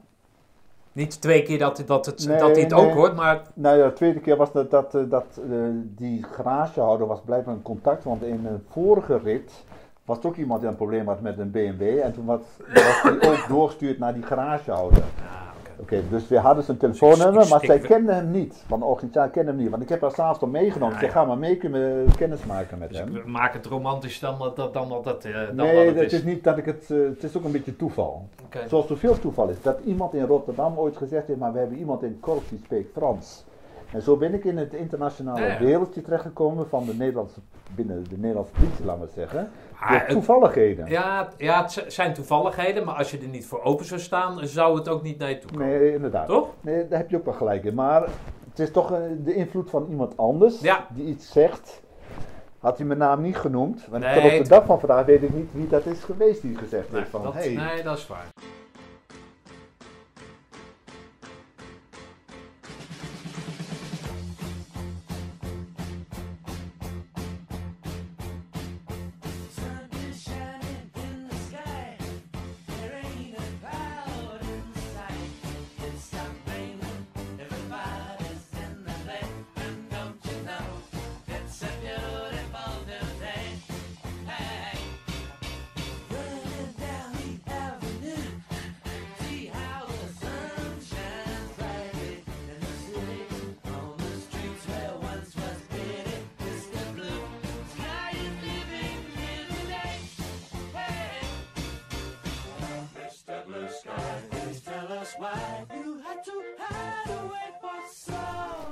Hey Frans, waar, eh, waar sta je nu en waar ga je, eh, waar ga je naartoe? Hoe ziet, je leven er, eh, hoe zie je dat voor de rest? Je hebt een zoon. Hoe, hoe heet je zoon? Of heet jullie zoon? Nou, dit is natuurlijk een Franse naam, Matthijs zijn. Eh Nee, maar oké. François? Nee, hoe heet hij? Nee, hij is genoemd naar mijn vader. Dat was Wim Willem, Wilhelmus, laten we zeggen. Dus hij Guillaume heet Oh, hij. Oké. Guillaume. Ja. Ja, Die is 18, die is 18. dus die gaat, nou ja, gezien de tijd zal het wat langer duren, maar die, eh, die, gaat, eh, die gaat ooit een keer weg. Wat, wat, waar, eh, waar ben je over een paar jaar? Je zit, hoe oud ben je nu? Ik ben 60. Ja? Oh, dus je moet nog even. Nou ja, een aantal jaren, maar voor mij is het moeten of zo. Nee, nee, oké, maar- ik heb geen hekel aan werk en zo. Maar hoe, hoe, hoe zie je de toekomst? Ja, nou ja, ik wil wel weer naar het buitenland natuurlijk. Hè. Eh, ik wil reizen, ik wil veel reizen. eh, Maar weg hier uit Nederland? Of? Nou, wel en niet. Eh, ik heb altijd gezegd, ik wil weg uit Nederland. Zelfs mijn zoon zegt dat ook. En zelfs Peter zegt dat ook, van we willen weg uit Nederland. Maar ja, Nederland is ook wel weer een, een, een, een, een, ja, verzorgingsstaat, laten we zeggen. Het heeft ook wel veel voordelen, veel nadelen. Maar ik denk wel dat ik een, zoals ze op de Frans zeggen, een pied willen houden hier zo. Dus altijd wel een, eh, al is het alleen maar dat je zegt van, ik ga in de zomerperiode naar Nederland en in de winterperiode ga ik naar het buitenland toe gaan. Oké. En Maar dat wordt breed gedragen hier binnen het gezin? Ja, ja, ja, geldt ons allemaal. De die zegt ook altijd van, ik wil weg uit Nederland, zegt hij nu al. Oké, is dat, zijn dat jouw genen? Dus, Ja, dan? Ik ben, ik ben bang voor wel, ja. ja. Oké. Zit er nog iets, iets militairs in hem? Wel en niet.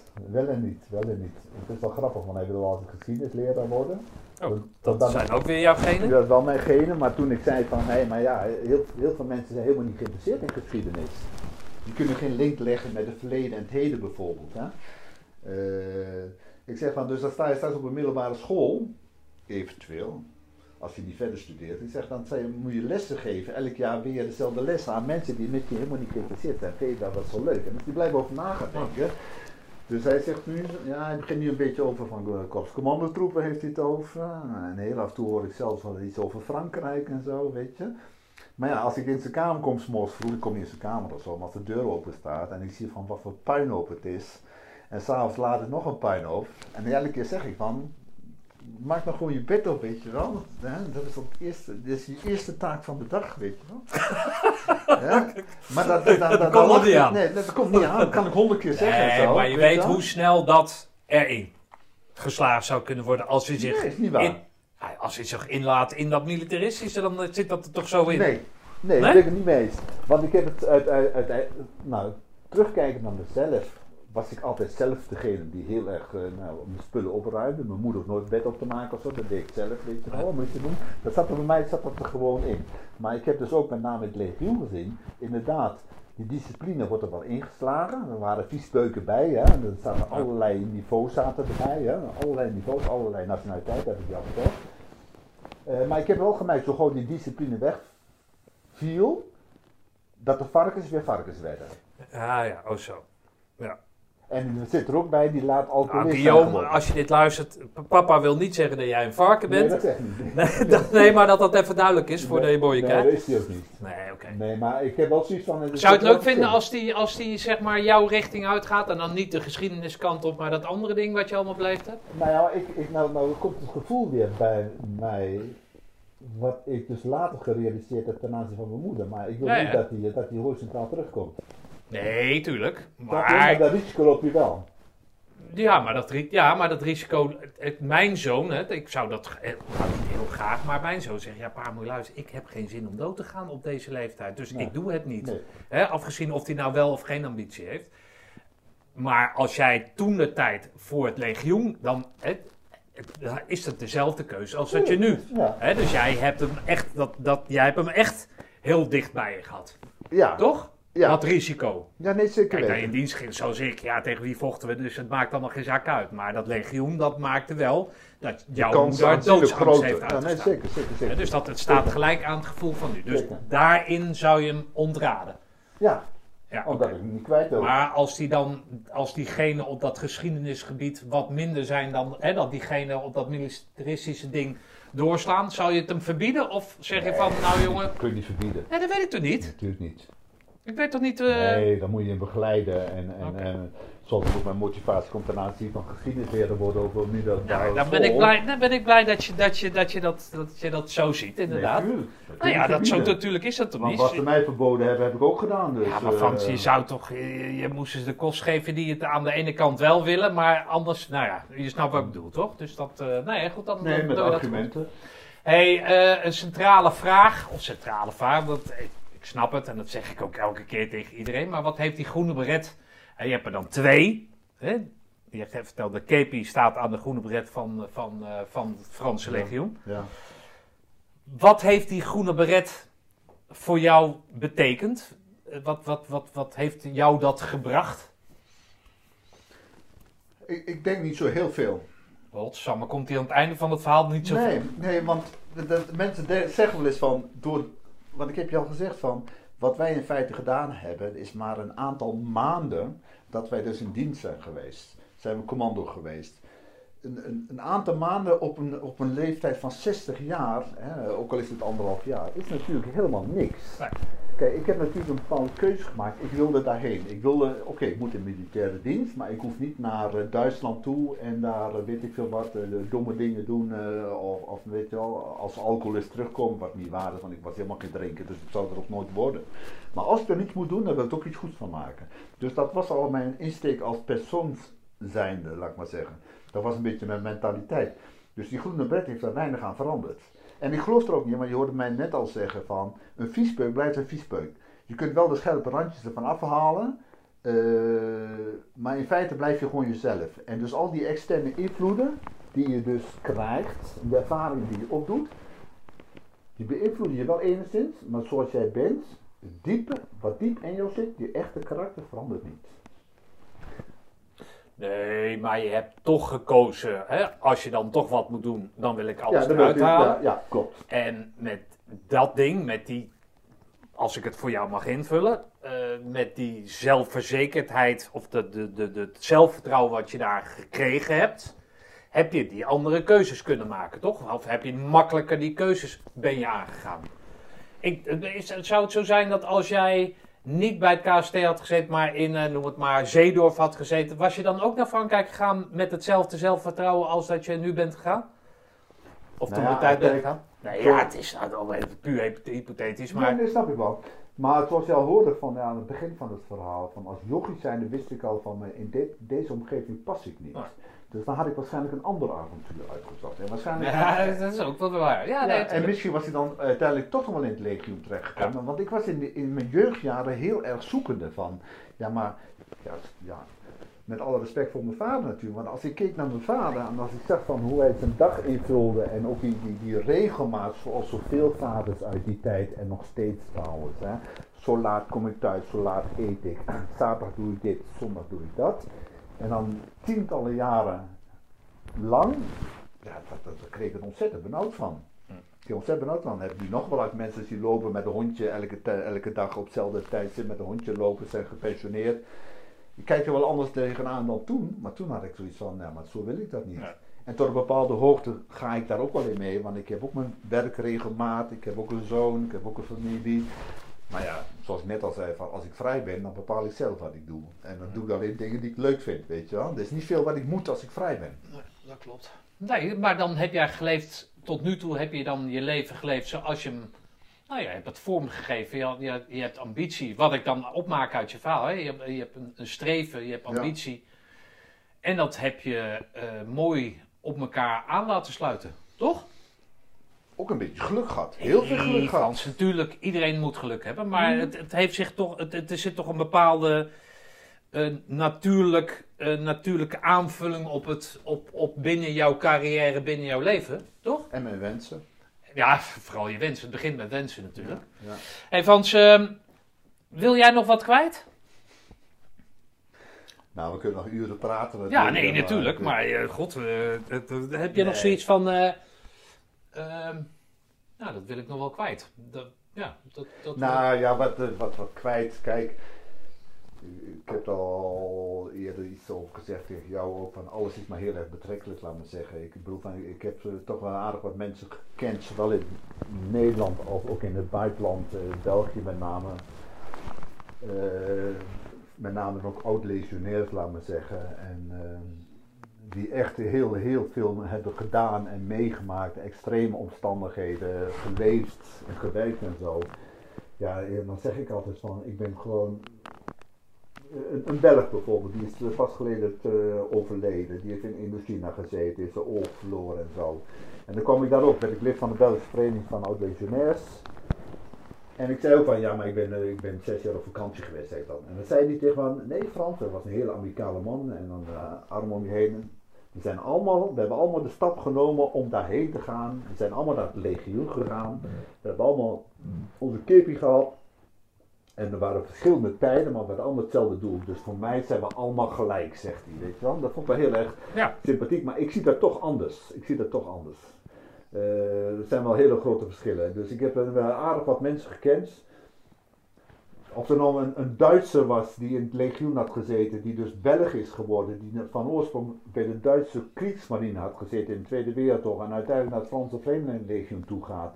Of zo'n Pieter Wit waar ik het over had, adjudant geworden in het legioen, 20 jaar in het legioen gezeten.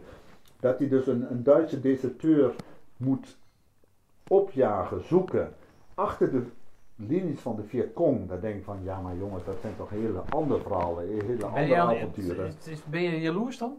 Niet jaloers, nee, vol Oh. respect. Oh, nee, respect. maar dan zeg ik van, mijn verhaal is niet interessant. Kom op, dat zijn de verhalen. Ja, oké. Maar je? dan, je bent dus aan de ene kant heb je, of dat klinkt negatief, maar je hebt respect. Aan de andere kant ben je ook blij dat je daar niet aan blootgesteld bent. Nee, nee, nee, nee, dan was ik er maar wel aan blootgesteld. Nee, ben je bent blij dat je er niet aan blootgesteld bent. Aan, aan die oorlogshandelingen, aan, aan weet ik wat. En oogverliezen klinkt natuurlijk heel romantisch, maar het lijkt me niet er- erg handig, toch? Toch? Nee, Zou je dat, willen dan? Nee, nee, niet een oogverlies, maar snap je ik dat bedoel? is die naïviteit van de, je, vanuit de jeugd, denk ik ook Ja. wel, weet je wel. Dus daar sta je niet bij stil. Je staat er helemaal niet bij stil. Daar moet ik niet bij stilstaan natuurlijk. Maar eigenlijk is het natuurlijk van de zotte dat je wenst dat je dus ingezet wordt in Cameroen of zo. Met de kans dat je dus inderdaad met een paar afgeschoten benen, benen terugkomt of zo, weet je wel. Dat Wil jij daarmee zeggen, want je, je projecteerde het net, of we hadden het net een beetje geprojecteerd op je zoon Guillaume. Maar zou je het nog een keer zo doen? Ja, eh, jawel, jawel, jawel. Ja? Maar dan had ik, eh, nee, maar eh, jawel, maar dan was ik daar gebleven. Oh, oké. Maar ja, dat is niks ten nadele van mijn familie van huidige situatie, want dan had ik dit gemist natuurlijk. Hè? Ja. Dus ik heb gemaakt bepaalde keuzes. Had je in het legioen gebleven? Ja, ja. Dat meen je niet? ja, ja. Oké. Ja, Omdat je nu met de wetenschap van nu wist je dat er, weet je dat er toen allerlei oorlogshandelingen... ook, ja, ja, maar ik zie dus nu mensen op Facebook van mensen die dus in mijn... Ik ben een onderofficier geworden ook nog in het Ja. Ik was heel snel onderofficier. Uitzonderlijk snel. Maar ja, ik was heel gedreven, dat heb ik al eerder Ja. gezegd en zo. Dus er zaten mensen in, in mijn eigen groep, laat maar zeggen. Er zat geen eh, persoon van dezelfde nationaliteit. Allemaal verschillende nationaliteiten. Maar mensen die dus gebleven zijn. Die dus, dus adjudant zijn geworden. Adjudant eh, eh, eerste klas. Of major zijn geworden en zo. Toen ik terugkwam in Lille. Toen ik in Lille kwam, voor de Nederlandse politie, toen ging ik naar de post. Want in eh, alle grote steden in Frankrijk kun je aanmelden voor de Franse Vreemdelingenlegioen. Dus dan ging ik dus naar de, naar de, de PIL, zoals dat heet, Postinformation de la Légion étrangère. Dus aanmeldpost van het. En dan kom ik een Belg tegen, waar ik ooit samen mee gediend had. Bij de tweede rep op Corsica. Hij zat wel in een andere compagnie en we kenden elkaar. Kom je dus na 25, 30 jaar later kom je elkaar tegen. En hij was dus hoofd van de aanmeldpost in Lille. Zo'n klein wereldje. Nou, hij was inmiddels uh, adjudant eerste klas, adjudant chef zoals dat heet. Is inmiddels overleden, is net 60 geworden, eh, was met pensioen. Een jaar later was hij dood. Oké, dat zei zo. Eh, ja, en dan zie ik zo iemand en dan denk van shit man. Nou ja, zo bijzonder was hij niet. Maar oké, hij loopt scheef van de medailles. Ja. heeft van alles en nog wat gedaan. Ik wil niet zeggen dat ik jaloers ben, dan denk ik van ja, maar dat had ik ook kunnen doen, weet je wel. Maar hij is zuiver professioneel, hè? Daar moet je zuiver professioneel naar kijken. Je moet niet kijken van. Ja, oké, maar ik mag toch aannemen met het geluk wat je hier dan hebt. Nee, nee, ik heb niks te klagen. Ja, dat klinkt zo lullig Frans, ik heb niks te klaren. Maar het zou... Ja, ik vind het altijd, ja... Wat is het? Het Als laatste vraag. Wat, wat is, is, is oorlog? Zijn dat die handelingen die jij dus aan de ene kant gelukkig niet hebt mee mogen maken? Is dat dan... Is dat toch een, een dieps verlangen? Of verlang, niet een verlangen, maar vind je dat toch jammer dat je dat niet hebt meegemaakt? Dat is jammer. Dat, dat Nou is- ja, dat weet ik niet. Je had, ook, Nee, je had dit verhaal ook niet kunnen vertellen omdat je daar, weet ik wel, ergens in China eh, ik- nou ja, de pijp uit was gegaan. Maar Ehm, wat ik al eerder zei, van het is belachelijk dat je zegt van ik zou dat mee willen maken, want je weet niet waar je over praat. Iemand die het heeft meegemaakt, die, die, die moet een ander voor, voor gek verklaren, laat Ja. ik maar zeggen, weet je wel. Eh, maar het is natuurlijk wel het ultieme, ultieme avontuur natuurlijk. Maar ook kijken van, ja, ik lees te veel over, laat maar zeggen. Eh, ja, oké, eh, Tjaad was burgeroorlog, maar dat is meer dat we elkaar afmaakten dat wij er bij betrokken waren. Ging meer kijken naar de resultaten, laat maar zeggen. Er waren meer scheidsrechten, hè, zo Ja. moet je dat zien. Maar ja, die omstandigheden van hoe zou je gereageerd... Ik ben ook heel erg benieuwd naar mezelf, van hoe Ja, zou je gereageerd Ja, hebben? kan- ja, hoe zou je zijn? Hè, en dat het van alle kanten knalt en dat je gebombardeerd wordt en eh, nou ja, noem maar iets en zo, weet je wel. Eh, kijk, het boek wat ik daar nog heb liggen, dat is van Alexander Kempowski. Ehm, dat gaat dus over, over eh, ge- ooggetuigenverklaringen, laat maar zeggen, dagboek, eh, dagboekuittreksels van eh, de laatste dagen van de Tweede Wereldoorlog. En dan vanuit de, geschreven door de Russen, door militairen, nou, alle, alle militairen die bij betrokken waren, alle nationaliteiten en zo, maar ook de burgers, de, de vrouwen, de, de kinderen zelfs en zo, Ja. die dus gewoon aantekeningen hebben gemaakt. En dat is dan eh, verzameld. Eh, ja, ik vind het verschrikkelijk interessant om te lezen van hoe hebben die mensen dat ervaren.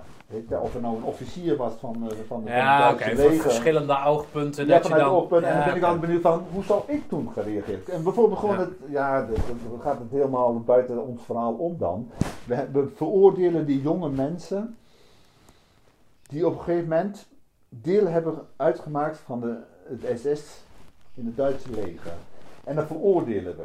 Er waren, er waren landverraders. Er waren, nou oké, eh, op basis daarvan werden uiteindelijk de mensen die dus dienst namen in, eh, in een andere krijgsmacht, die werden dus stateloos en zo.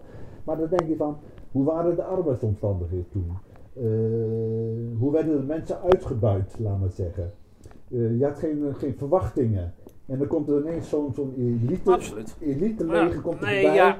wat in het begin tip-top uitzag. Waarvan niemand wist van wat het uiteindelijk zou gaan doen en Ja, dat- het was uitzichtloos natuurlijk, die positie.